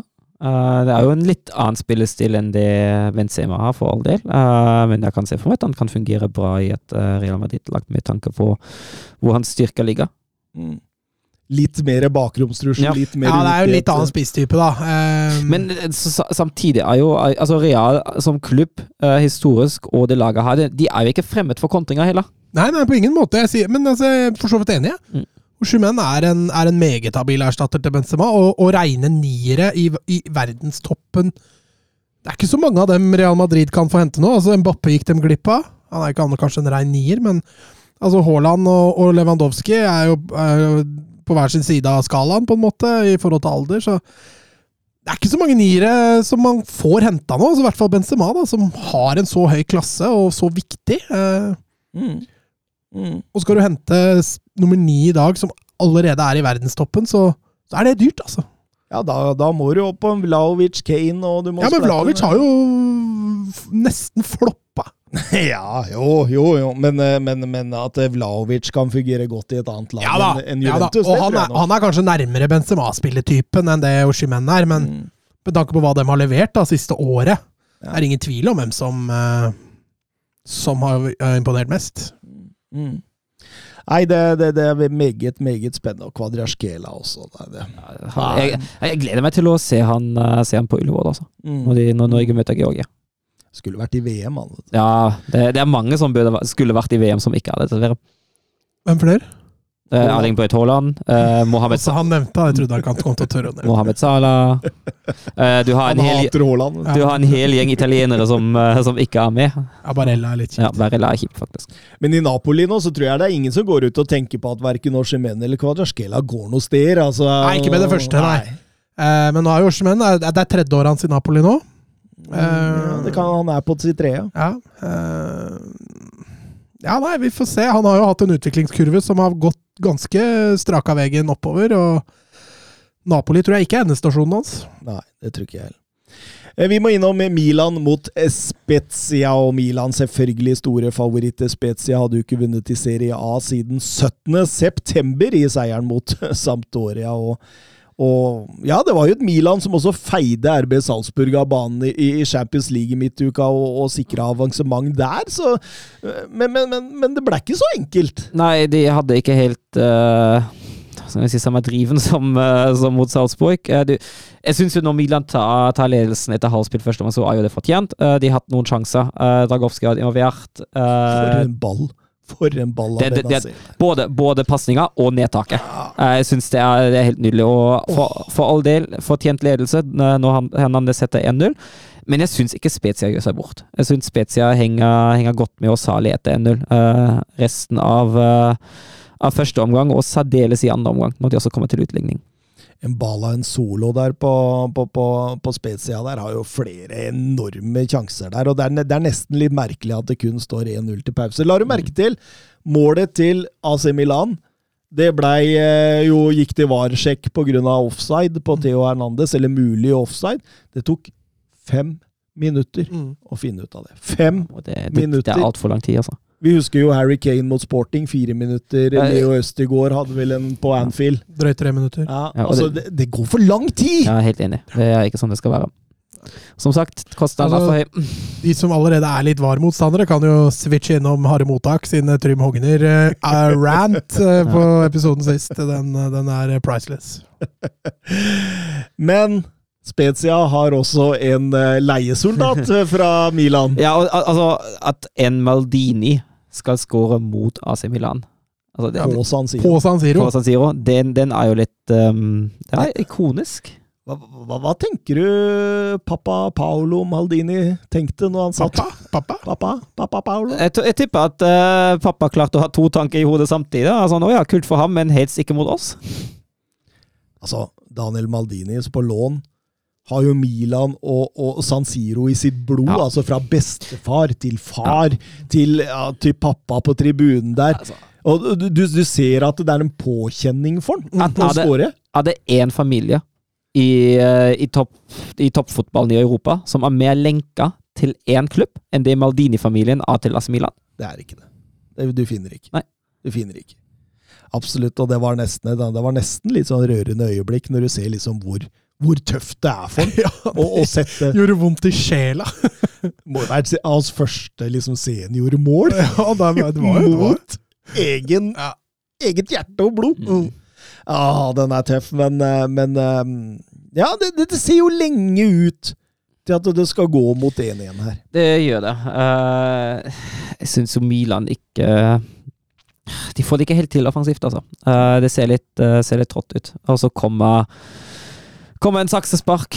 Det kommer en eh, franskmann, Olivier Giroud, eh, siste ordinære, nest siste ordinære minutt. Og vi 2-1. snakka om Benazer-pasningen. Her er det Mm. nøyaktig samme pasning. eh, Denne gangen var det vel fra var det Tonali. Tonali. Mm, Tonali, ja. Tonali. Nydelig. Og måten Giroud setter den på, Altså, sånn halvveis som volley. Husker Ja. du det? Husk, husker, du kan sikkert ikke, for du, du var i Tyskland på den tida, men du var medlem av Boeing-klubben. Ja. Husker du den derre eh, Utpå Boeing-magasinet så var det veldig ofte en, en, en spiller som liksom på en måte var tegna, da. At han lå sånn halvveis i lufta. Ja. I, i- det var det. Estetisk nytelse, rett Det var akkurat det der var. Det, det, det, og Giroud Ja. må Altså, han skårer så mange fine mål. ja, det er helt sykt. Jeg husker jo det, den skorpion, eh, det skorpionsparket mot Jeg husker ikke. Southampton. Så var det, ja. Det er, Men han han, har det i har, han har en timing og en kroppsbeherskelse som, som du blir litt overraska med tanke Ja, på hvor svær han er. Altså, du så, altså når, du ser det i, når du ser det i reprise, han treffer han klokkereint. Han treffer han klokkereint på foten, og ballen går akkurat dit han vil. Så tar han av seg drakta. Ja, ja, altså, herregud. Å, herregud. Altså, Så får han rødt kort for sitt andre gule òg. altså det, det, det, Rutinert er han ikke, i hvert fall. det, det, det er jo toppen av dumskap, altså. Beklager. Men, Ja, men tror du han tenker over hva han gjør der? altså, det, det men, nei, men som Det er en eufori. Jeg tror det er en pur som glede. fotballproff bør du kanskje begynne å tenke litt på det. Nei. Du vet, altså, det- det- hvor, man- hvor gammel er man? Er han 36 nå? 35-36, Ja, ikke sant? Altså, jeg har spilt fotball i på, uh, nesten 20 år nå. Mm. På, på proffnivå, eller på voksennivå, på seniornivå. Veit jo hva, hva, hva det å ta av drakta medfører, da. Mm. Mm. Og så veit han at den er gull fra før. Altså, Den er tøff. Den var tøff. Det, det var vel noe à la det samme Altså- altså skal jo sies- gjorde. og så skal det sies, når jeg er på mitt mest euforiske Når Wolfsburg skårer en sein overtidsvinner, når Lillestrøm skårer en sein overtidsvinner jeg har, alltid deg drakta? Nei, jeg har, altså, det, det er ikke det. Altså, jo, det må ut, men det er ikke, det er ikke drakta som er det første. Altså, nå tar jeg for meg klærne som vi skårer. Det, det er ikke det jeg tenker på. da Men, men, men tror du du på tribunen opplever det på samme måte som de som gjør det ute på gresset? jeg veit ikke. Jeg har vanskelig å svare på. Jeg har jo ikke vært i den situasjonen, vet du. Nei. Nei. Nei, det, det, det, Men det altså, spennende. spennende. euforien må ut, ja. Men jeg, tar ikke, jeg, har ikke noe, jeg har ikke noe impuls til å ta på meg klær. det hadde gjort han i riset. Vi må over til Roma mot Lazio. Det var jo altså derby della capitale! Ja. Og det blei gørrkjedelig. ja, det var litt eh, andre derbyer i Italia denne helga som var um, Men, eh, som var mer spennende, Uh, fryktelig defensiv tilnærming av Lazio. Mm. Uh, altså- Særlig etter 1-0 der. Ja. Filip Andersson der som Altså, Roger Ibanez der, han roter jo noe voldsomt til i frispillinga. Mister ball på femmeter, og, og Filip Andersson setter ballen i, i målet der. Og, og etter det, som du er inne på, Søren, så parkerer jo Sarri bussen, og ironisk nok så parkerer Sarri, bussen mot det han som oppfant bussen. Han som oppfant parkeringsplassen, i hvert fall. Eh, ja, det blei en veldig kjedelig match utover der, eh, når Lazio først eh, Først får den skåringa, så Det virker som det var en plan A. ja, At eh, go to move, liksom, når de får dem, for det var veldig bevisst. ja, absolutt. Ehm, ja, nei, Roma mm, De sliter litt mer nå uten Dybala, ingen tvil om det. Og Fredrik Konradsen han spør Mourinho, ser man tegn til det samme i Roma nå som man så mot slutten i Chelsea, i Manchester United og i Tottenham? Skal Mats ta den, eller? Jeg vet hva, jeg fikk en SMS, så jeg datt ut. Spør en gang til. Eh, Fredrik Konradsen som spør om skjer det samme med Mourinho nå, som det gjorde med ja, jo, og sånn, ja, ehm, nei, jeg tror ikke det. Nei. Fordi han har hatt litt nedturer denne sesongen, og de har alltid slått tilbake igjen. Uh, ja, det var helt klart et blow å, å ryke i det, i det oppgjøret her, men uh, Nei, jeg tror de kommer til å slå tilbake igjen. At det blir Champions League, det er ikke sikkert det blir det, men at de nå skal liksom falle ned fire-fem plasser, det har jeg ikke tro på. Nei, altså jeg, jeg, jeg, Klart de trenger kanskje spiss i nei, vintervinduet til å skåre litt mål, da. Ja, absolutt. Men, men jeg, jeg vet jo av erfaring at det er slike kamper som dette at det gjør meg at man mister litt troa på Mourinho-prosjektet. Fordi altså Alt ligger klart i en fantastisk fotballkamp. For en, for, for en atmosfære for Altså rundt uh, Alt som var rundt der. Og så blir det to ganger 45 minutter med type maling, tørke I tillegg så taper man. Og den er så jævlig blytung, da. Den er så jævlig blytung. Og så skal det sies at, eh, som du er inne på, de har vært gjennom dette før. Jeg har ikke hørt at eh, det er noe murring i spillergruppa. Mm. Dybala, åpenbart at han betyr mye. Så vi får se. Vi får se. Ja, men hadde, hadde de hatt en spiss da, som greier å omsette Nå var ikke denne kampen kanskje riktig å påpeke, da, men gud bedre mange store sjanser Abraham har hatt brent i år. Altså. Ja, han hadde, hatt igjen denne kampen òg. Ja, ja, jo, jo, men, men sånn totalt sett i år, da. Er, eh, burde hatt eh, Hadde de hatt en spiss, hadde, han hadde skåra 10-12 mål han alt i år. Og så skal vi også til Derby de Italia mellom Juventus og Inter Milano. Det var, det var jo en interessant kamp. Det var en interessant kamp. Eh, Inter syns jeg er klart best i, eh, i første omgang. Kunne fint ha leda til pausen. Det er noen, uh, noen feite da, Martinez og, og Jaco og Dumfries. Uh, som har de største sjansene. Uh, så det fortsatt står 0-0 til pausen, er flatterende for Juventus. Mm, absolutt. Jeg sy- syns riktignok Juventus var solide defensivt. Ja da, det var ikke voldsomt mange sjanser for all del, men uh, de sjansene som, Milan, eh, som Inter hadde, de var forholdsvis store. Mm. Men så skjer det noe i annen omgang der, altså. Det skjer noe i annen omgang. De plutselig så begynner det å bevege seg på midtbanen der. En Miretti, en Fagioli der. Eh, Jørgen Klem var vel inne på det rett før han gikk ut døra her, at de to unggutta der som setter fart på, på, på Juventus, rett og slett. Altså, så, på en måte, altså eh, det, det, De har de tinga, da. Som man har savna litt, med det med, det med å flytte ball rask. Det å Flytte bein raskt. ja, ikke sant? Opp direkte, raskt opp i angrep, eh, radius. Så- Som, som er voldsomt mye bedre her, og det, det, det drar United. Det, det drar Juventus nytte av. Det drar nytte av. Og jeg syns også Kostic spiller en, eh, spiller en meget bra andre omgang. Eh, det, det har jo med de Roma å gjøre som frigjøres for ham uh, ute på kant. Men han har jo vært i det meste som Juventus skaper. Og, og, og, og, og etter Rabios 1-0 og, og, og utover i, i kampen der, så maler jo Inter seg egentlig inn i et hjørne de ikke helt kommer ut av.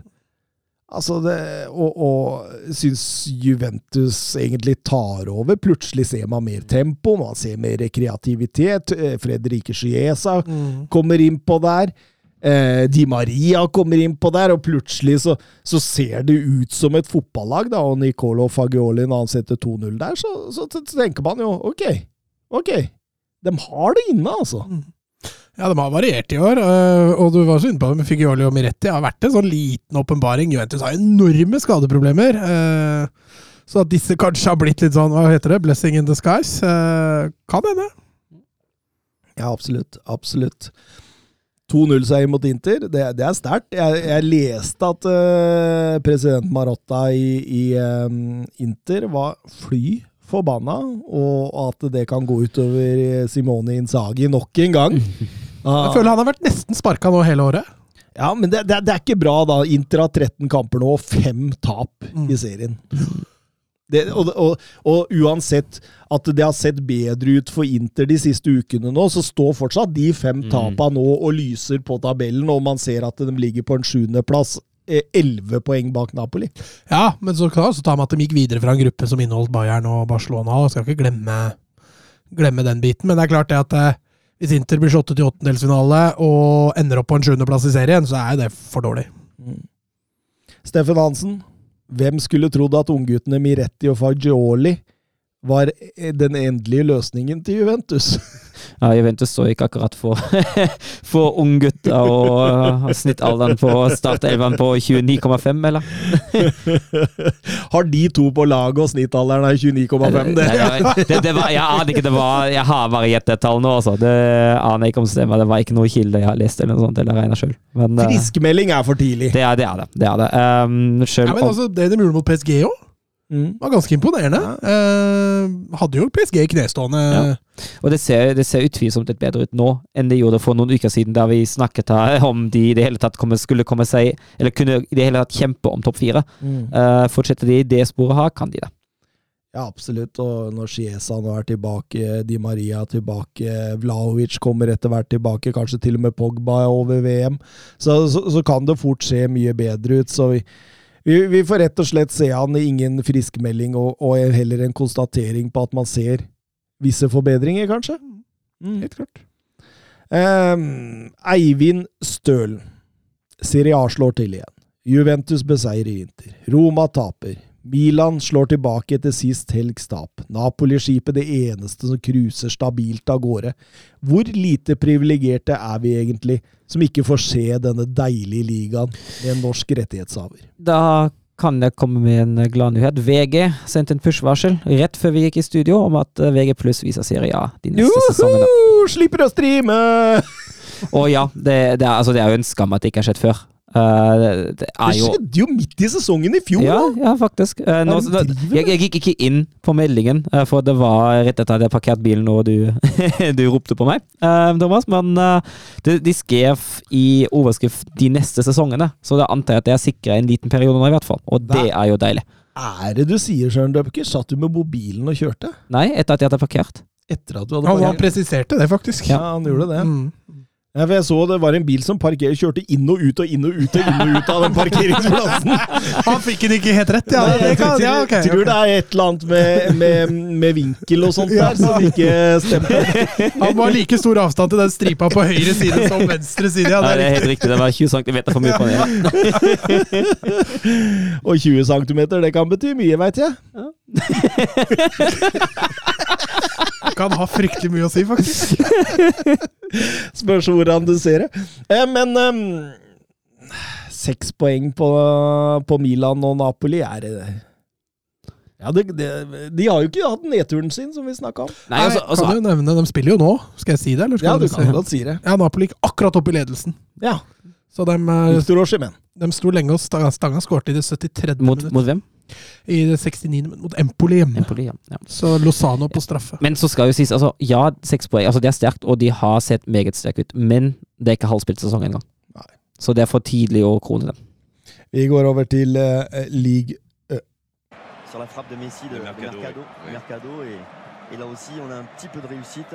Griezmann sur l'appui, c'était bien joué avec Giroud. Oh, Sylvain, oh, Sylvain il l'a vu oui. Kylian Mbappé ouais Kylian Ça fait 4 et ça fait peut-être un quart de finale pour l'équipe de France. 68e minute. Oh la joie collective parce qu'ils ont tous jailli du banc pour aller saluer cette passe décisive géniale de Giroud et ce doublé pour Kylian Mbappé. Ja, vi eh, starter selvfølgelig som, som vanlig, egentlig. Det er jo ett lag vi i utgangspunktet følger i ligaen, og det er Paris Saint-Germain. De, var på bortetur til Loria, og um, Lorient, som er et av ligas soleklare overraskelseslag mm. så langt denne sesongen, de ypper seg ganske tidlig der med flere sjanser, og, og denne Tere Moffi, det er en pakke, altså. Fysisk, ja. ja. Utvilsomt. Eh, han, eh, han eh, Han har bra fart og en, en, en veldig god fysikk. Mm. Absolutt. Han, han ser, plager rett og slett PSG flere ganger der. Men så er det denne klassen til PSG, da denne klassen, og, og, og, selv om eh, ja, Du kan jo skylde mye på keeper Mvogo der, som, mm. som, rett og slett uh, dummer seg ut, og som gjør at Neymar nesten kan putte den i tomt mål der og, og sikre 0-1-ledelse tidlig. Men, men, men, likevel, altså Jeg, jeg, jeg ser Loreal-laget som veldig sånn der organisert veldig godt. De, de, sliter litt med presshøyden her. De, altså, legger de seg dypt, så herjer Neymar og co. i mellomrommet. Legger de seg for lavt, eh, nei, litt for høyt, så er det Mbappe og Ekitike inn i bakrommet. Så de, de, sliter litt med akkurat den fasen, men ellers, når de har ballen, og når de går framover på PSG, så er de jo faktisk ganske gode. Så, så Nei, det, det, det, det, er ikke noe walk in the park for PSG her, noe som man normalt sett skulle tro det var da, mot Loria borte. Ja, nei, altså Loria denne sesongen har jo vært, eh, vært Eh, kanskje den største overraskelsen sånn De var jo mange tippa hetheten om nedrykksstriden, egentlig, og, og, og, har snart klart seg. Så jeg tror vel PSG hadde gjort seg en bjørnstjeneste hvis de undervurderte her. Men det er som du sier, Loria er veldig godt organisert, og de har tatt mye poeng på akkurat det. Så det ble ikke enkel jobb, nei. Og, og, enklere blei det ikke ut i annen omgang der når Terem Moffi setter 1-1. Ja, for et nydelig angrep! Ja, altså, Er ikke Olmo en konko? Jo, det, ja, det er ganske likt. Ja, det er det. Eh, det første jeg tenkte. Ja, Oi, den, den skåringen der har jeg sett tidligere. Ja, men den, eh, jeg tror den Olmo konko som du refererer til, jeg glemte å nevne, jeg tror det var den som ble annullert. Nei, nei, nei. nei var det ikke den? Nei, nei, nei. Olmo satt 2-0-målet eh, mot Leipzig, ble ikke annullert. Nei, det, nei Konko satt 2-0 mot Hoffenheim. Nei, 2-1 mot Hoffenheim. Det var Jeg lurer på om du refererte til, til det annullerte målet. Nå tror jeg du surrer. De gjør det. Fordi uh, Hoffenheim utligna. Men, men, nei, Rutter setter 1-2 før pause. Det ble 0-2 før Rutter setter 1-2. Nei, nei, nei, nei, nei, nei. Nkunku setter 2-1 igjen. Rutter, uh, utligna. Det var 1-1 i den matchen ja. før Nkunku setter Den, den du refererte til, det var den som blir annullert for offside, tror jeg. Oh. Men det, det, det, tar jo ikke noe vekk fra, fra grepet i det hele tatt. Så det, poenget, poenget ditt står jo. Det gjør jo det. Absolutt. Det blir for mye mål noen ganger. Ja. Det gjør det. Men ja, men jeg er helt enig. Det, det ligner veldig. Uh, nydelig lagspill og nydelig, uh, nydelig oppbygging. Uh, og herlig angrep. Og, fantastisk. Mm, mm. Men Danilo Pereira, han Han ville det annerledes, han. Altså Danilo Pereira. Ja, ja. Alle storskårere i verden, så var det han som fikk lov å så da, da, da, vinner PSG på en dårlig dag. Ja, og det, snakker vi ikke litt om det forrige uke òg? Mm. Det er litt sånn selv om det er mye bra lag i, i, Frankrike, så er klassen akkurat ikke gående nok mm. til å mm. straffe PSG. For de har, de har, jo mange dårlige dager i ligaen, ja. men det er ingen som er akkurat gode nok til å straffe dem på det. Nei, altså, det, de, har, de, står med 12-2-0 nå, og 38-9. Og de har liksom på en måte ikke vist sitt beste ennå. Ikke, ikke, ikke, over tid, i hvert fall. Nei, de, men de har, de har hatt noen enkeltkamper som har sett veldig bra ut. Mm. Mm. PSG har dermed gått 30 kamper i alle turneringer uten tap. 23 seire, 7 uavgjort og 0 tap. Den barrieren har de brutt kun to ganger tidligere, i 94 og 2003. Da stoppet de på henholdsvis 37 og 36 kamper. Um, jeg har lyst til å snakke Will Still, jeg, da. Mm. Altså Nå vant eh, Rem 1-0 over Nant. Eh, Balogun satte straffespark eh, rett før slutt. Og nå skal det avgjøres i VM-pausa om Will Still får fortsette, eller om det kommer en ny manager. Han er feilfri, er han ikke? Jo, altså, altså, han, har, han, altså han har fem kamper nå. To seire, tre uavgjort og null tap. Men, men, dette er jo mot, også mot PSG og sånt. Mm. Og på de fem kampene har han kun sluppet inn ett mål. Denne fotballmanager-manageren vår. FM-manageren. Ja, ja, ja. Og jeg, jeg tenker jo det, med seier mot Montepillier nå, det er nesten umulig å ikke la han fortsette ut sesongen. Ja, altså, Med tanke på det han har levert, da, altså hvis du overtar et nedrykkslag, eller et lag i nedrykksstriden, så går du ubeseiret i fem kamper, det er jo en prestasjon i seg sjøl, tenker jeg. Uh, og så har han jo Ser jo ut til å ha det faglige på plass, da. Mm. Ja, altså Han har jo snudd opp ned. Altså, hvis du ser resultatene til Oscar Garcia før han får fyken, da, så er det jo det pila pekte beint nedover. Og så Første kampen han tar over etter Garcia fikk sparken, var vel PSG borte. Får 0-0 der. Spiller en ganske bra kamp. Og, og, og etter det kun sluppet inn ett mål. Så, så jeg spørs hvor mye av det er altså, av new manager-effekt, og hvor mye er litt sånn kunnskap for all det. Men altså, jeg tenker jo at det hadde vært kult om han fikk sjansen. Det hadde vært skikkelig kult. Ja, Og særlig ut sesongen syns ja. jeg de kan by på nå. Så må vi også nevne at det var en stor, stor kamp også. Marseille mot Lyon. Eh, Marseille vant 1-0 etter skåring av Gijo. Eh, I en uhyre sånn jevn og tett og intens kamp på velodrom. Ganske sjansefattig. Jeg tror vel Gijos mål var den første avslutninga på mål i kampen.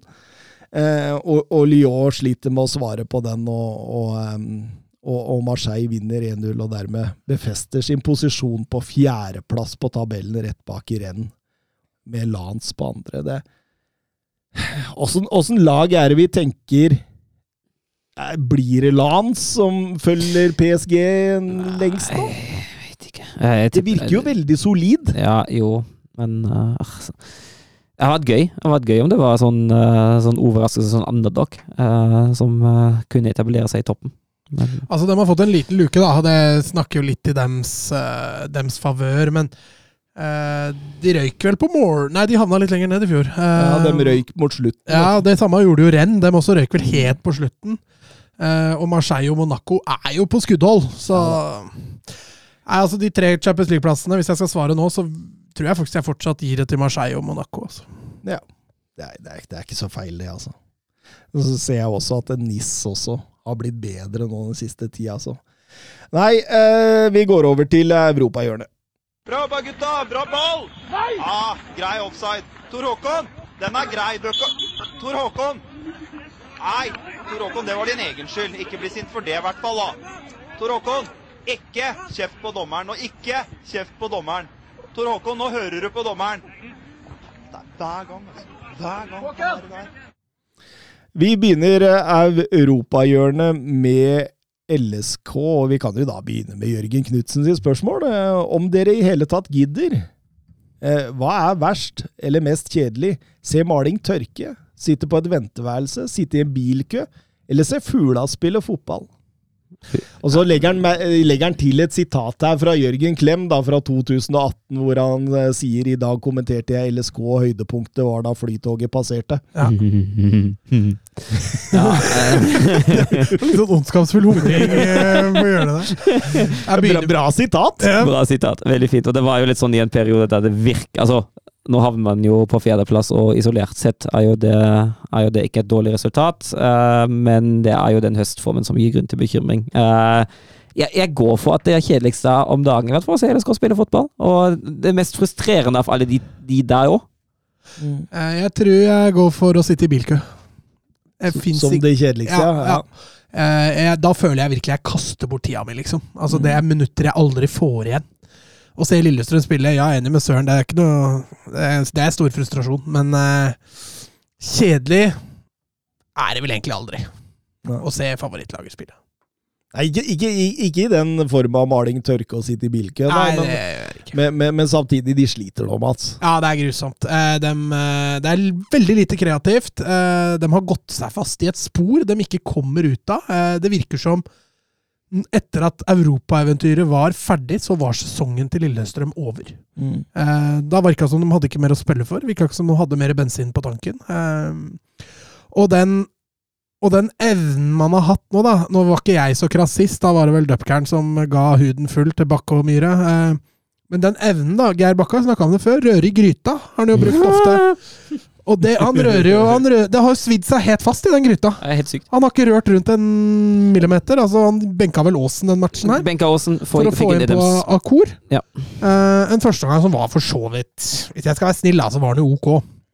Men en andre omgang tilbake igjen til Odd-matchen. Uh, og, og fantasiløst. Uh, lite trøkk.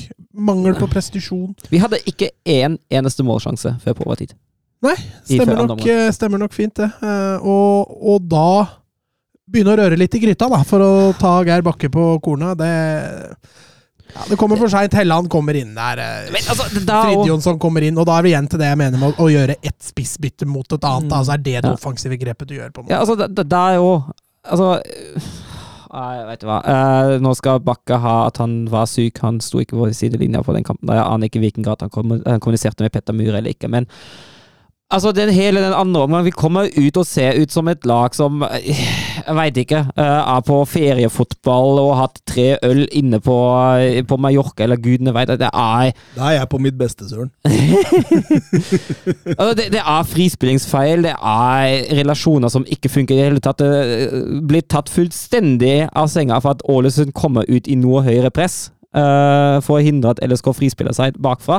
Og det, det er for mye. Og så tas det ingen verdensgrip, og når det først tas grep, tas det i feil grep. Og jeg er så forbanna lei den der elendige in game-coachinga til Bakke og Myhre. Der må de skjerpe seg på. Jeg er så forbanna lei at vi offensivt gjør det samme om og om og igjen. Det er overlapp ut på kant, slå opp i boksen, og så håpe på at vi treffer på en egen spiller. That's it. Punktum. Åh, Jesus Christ, altså. Søren hater Bakke og Myhre. Nei, jeg gjør ikke det. Jeg, jeg, jeg, Vet du hva? Jeg har jo, Med all kritikk jeg har ikke engang sagt at de skal få sparken. Jeg mener jo ikke det. Jeg mener at de må skjerpe seg på de svakhetene de har. Jeg mener at vi må bli offensivt bedre. Jeg mener at vi må bli bedre i å ta grep underveis i kamper. Eh, men jeg mener også at Bakke og Myhre har, har levert eh, til tider bra for LSK. Tre, to fjerdeplasser og et opprykk. Det er ikke dårlig. Det er ikke dårlig, men jeg er bekymret for veien videre. For som Mats sier, nå ser det ut som at man har gått seg fast, og jeg er usikker på hvordan man kommer seg ut av den blindgata der. Og så er det så rart å se liksom klassespillere som var så gode i våres, da. Eh, Ogbu er jo Jeg vil jo påstå han er litt unna der han var. Ja. Eh, Knutsen sin utvikling har stoppa litt opp igjen. Ja, Heden- Eh, Men det er klart, han flytter, Ja. flytta litt på, da. Hedenstad Ja, òg. Ja, Hedenstad har gått litt feil vei. Det eneste jeg syns har vært solid, er, er Dragsnes. Mm. Han har vært bra Ja. hele veien. Han surrer jo litt i den kampen her, han òg, men noen setbacks må du ha. Eh, Ja, og så syns jeg Adams, da. Jeg syns jo han er, han er god, i hvert fall så lenge han får jo, men han har vært skada omtrent hele sesongen. Men, det, så- men jeg tenker likevel altså, han kommer seg jo litt sånn tilbake. Altså, jeg, Mm. jeg, egentlig, hvis du ser han mot Ålesund i hvert fall første omgang, ja, han har noen bommer, men han har en tilstedeværelse i boksen. Uh, han vil ha ball. Altså, Lene Olsen er usynlig i uh, 93 minutter. Uh, Adams er i hvert fall der, og er present og gjør ting. Det er meg helt uforståelig hvorfor han ikke har fått mer spilletid de siste ukene. Jeg skjønner det ikke. Jeg forstår det ikke. Skal vi ta litt Ajax PSV? Ah, please. Uh, Ajax PSV, ja. Er Storkamp i Nederland. Uh, morsomt. Uh, resultatet, altså det som kom ut på banen, det var litt Det var dessverre litt mer Romalazio enn det var BT Sevilla. Um, sjansefattig affære. Fryktelig. Eh, Den første store sjansen setter en gammel kjenning, Luke de Jong, eh, etter halvspilt uh, første inngang for PSV. Stjernespiller. Um, og så har PSV mange spillere mot ballen. Mange spillere i egen boks. For Ajax er det vanskelig å bryte gjennom. Uh, jeg har vært inne på det før. Jeg syns Ajax nå under Schroeder det er ikke den, den samme driven, den samme kreativiteten. Uh, den samme oppfinnsomheten mm. og de samme, de samme relasjoner offensivt som det var under Ten Hag. Jeg syns det ser svakere ut. Jeg syns Ajax sliter mer mot uh, dyptliggende forsvar, uh, og det viser seg også i den kampen. her. Kodos har en, uh, har en i stolpen etter en kone. Uh, ellers er det ikke så voldsomt å skryte av, av det Ajax skaper, og i andre omgang også. Altså, uh, Gutierrez han øker til 2-0, fem minutter inn i andre omgang etter en kone der òg. Mm. eller i kjølvannet av en kone som Ajax ikke får klarert helt. Og så er PSV defensive, og det er på en måte nok. Uh, Ruud van Nistelrooys masterclass! ja, men altså, det er jo det er sterkt, eh, sterkt av ham, da, for all det, for han har jo åpenbart analysert det Ajax-laget og funnet ut hvor svakheten ligger. Det kan jo sies at uh, Rensch har en kjempetakling mot Xavi Simmons uh, på overgang. Uh, Simmons egentlig alene, og Rensch klarer så vidt og får vekk ballen i aller, aller, aller siste øyeblikk. Blir først dømt straffe, men hva tar, tar det helt riktig. Uh, enorm forsvarsspill uh, av Renstein. Men altså, til og med nå, Elga, nei, nå Luka uh, skåra 1-2. 83 minutter spilt. Mm. Det kommer ikke noe sluttspill for Ajax. Det, det, det, det, er ikke sånn at det blir et bombardement mot, uh, mot PSV-målet og alt det der. Det er, det er ikke helt på samme nivå som de var i fjor, altså. Det er ikke det. Men, Nei, PSV, og det, det, skal jo mye til, da, med tanke ja. på at uh, Erik Ten Hag forsvant, uh, Lisandro Martinez forsvant, uh, Anthony forsvant ja, ja. Altså det, det, var jo spillere så, og, og, en trener da, som, som dreiv dette. All del. men PSV vinner 2-1 og går forbi Ajax på tabellen, men Ajax kan ta førsteplassen igjen om de vinner hengekampen sin. Ja. I ligaen nå så um ja. Eh, Porto vant greit 4-0 over Pacos. Eva Nilsson og Taremi ødela Pacos fullstendig. Sporting vant 3-0 over Vitoria. Et sportinglag med full kontroll. En Marcus Edwards som var helt strålende med både mål og assist. Og, og Braga tapte faktisk mot Casapia, eh, noe ufortjent riktignok, men, men det satte jo premissene for, for Benfica. Eh, et Benfica som møter Estoril borte, og, og, det tar litt tid før man våkner her. Eh, Roger Schmidt tar også hensyn til kampbelastning, hviler flere fra start. Det gav tillit til Petar Musa, som uh, header inn uh, vakkert i 1-0 der uh, etter 25 minutter. Og så er det bang, bang! To mål av Altså, han er så stort talent. Antonio Silva, stopperen. Her har vi det nye Ruben Diaz. Eh, jeg bare ser for meg eh, Gonzalo Inacio, Ruben Diaz og Antonio Silva i en sånn treer mm. bak sammen om et par-tre år. Å, herre fred, altså, de der, der de eh, Han spiller stopper på et så, så ekstremt høyt nivå. En sånn høyrefota, fysisk sterk, altså totalt kompromissløs.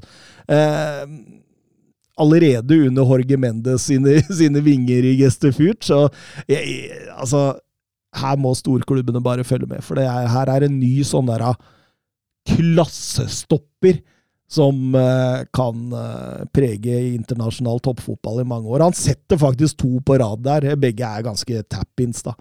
Går til pause med 0-3. Uh, Joao Mario løper inn 4-0 uh, eh, etter ja, 20 minutter av uh, andre omgang, før Ristic setter 0-5. Så får, får Estoril et trøstemål med Andrade. Riktignok et trøstemål de fortjente, fordi de hadde en del sjanser, de òg, men det, det, er så mye klasse i dette Benfica-laget. Altså fra, fra, Silva og stoppere, Otamendi, opp til bekkene Grimaldo, Mats. Grimaldo er enorm for tida. Ja, men jeg har sagt det i mange år, jeg. Mm, det har du gjort.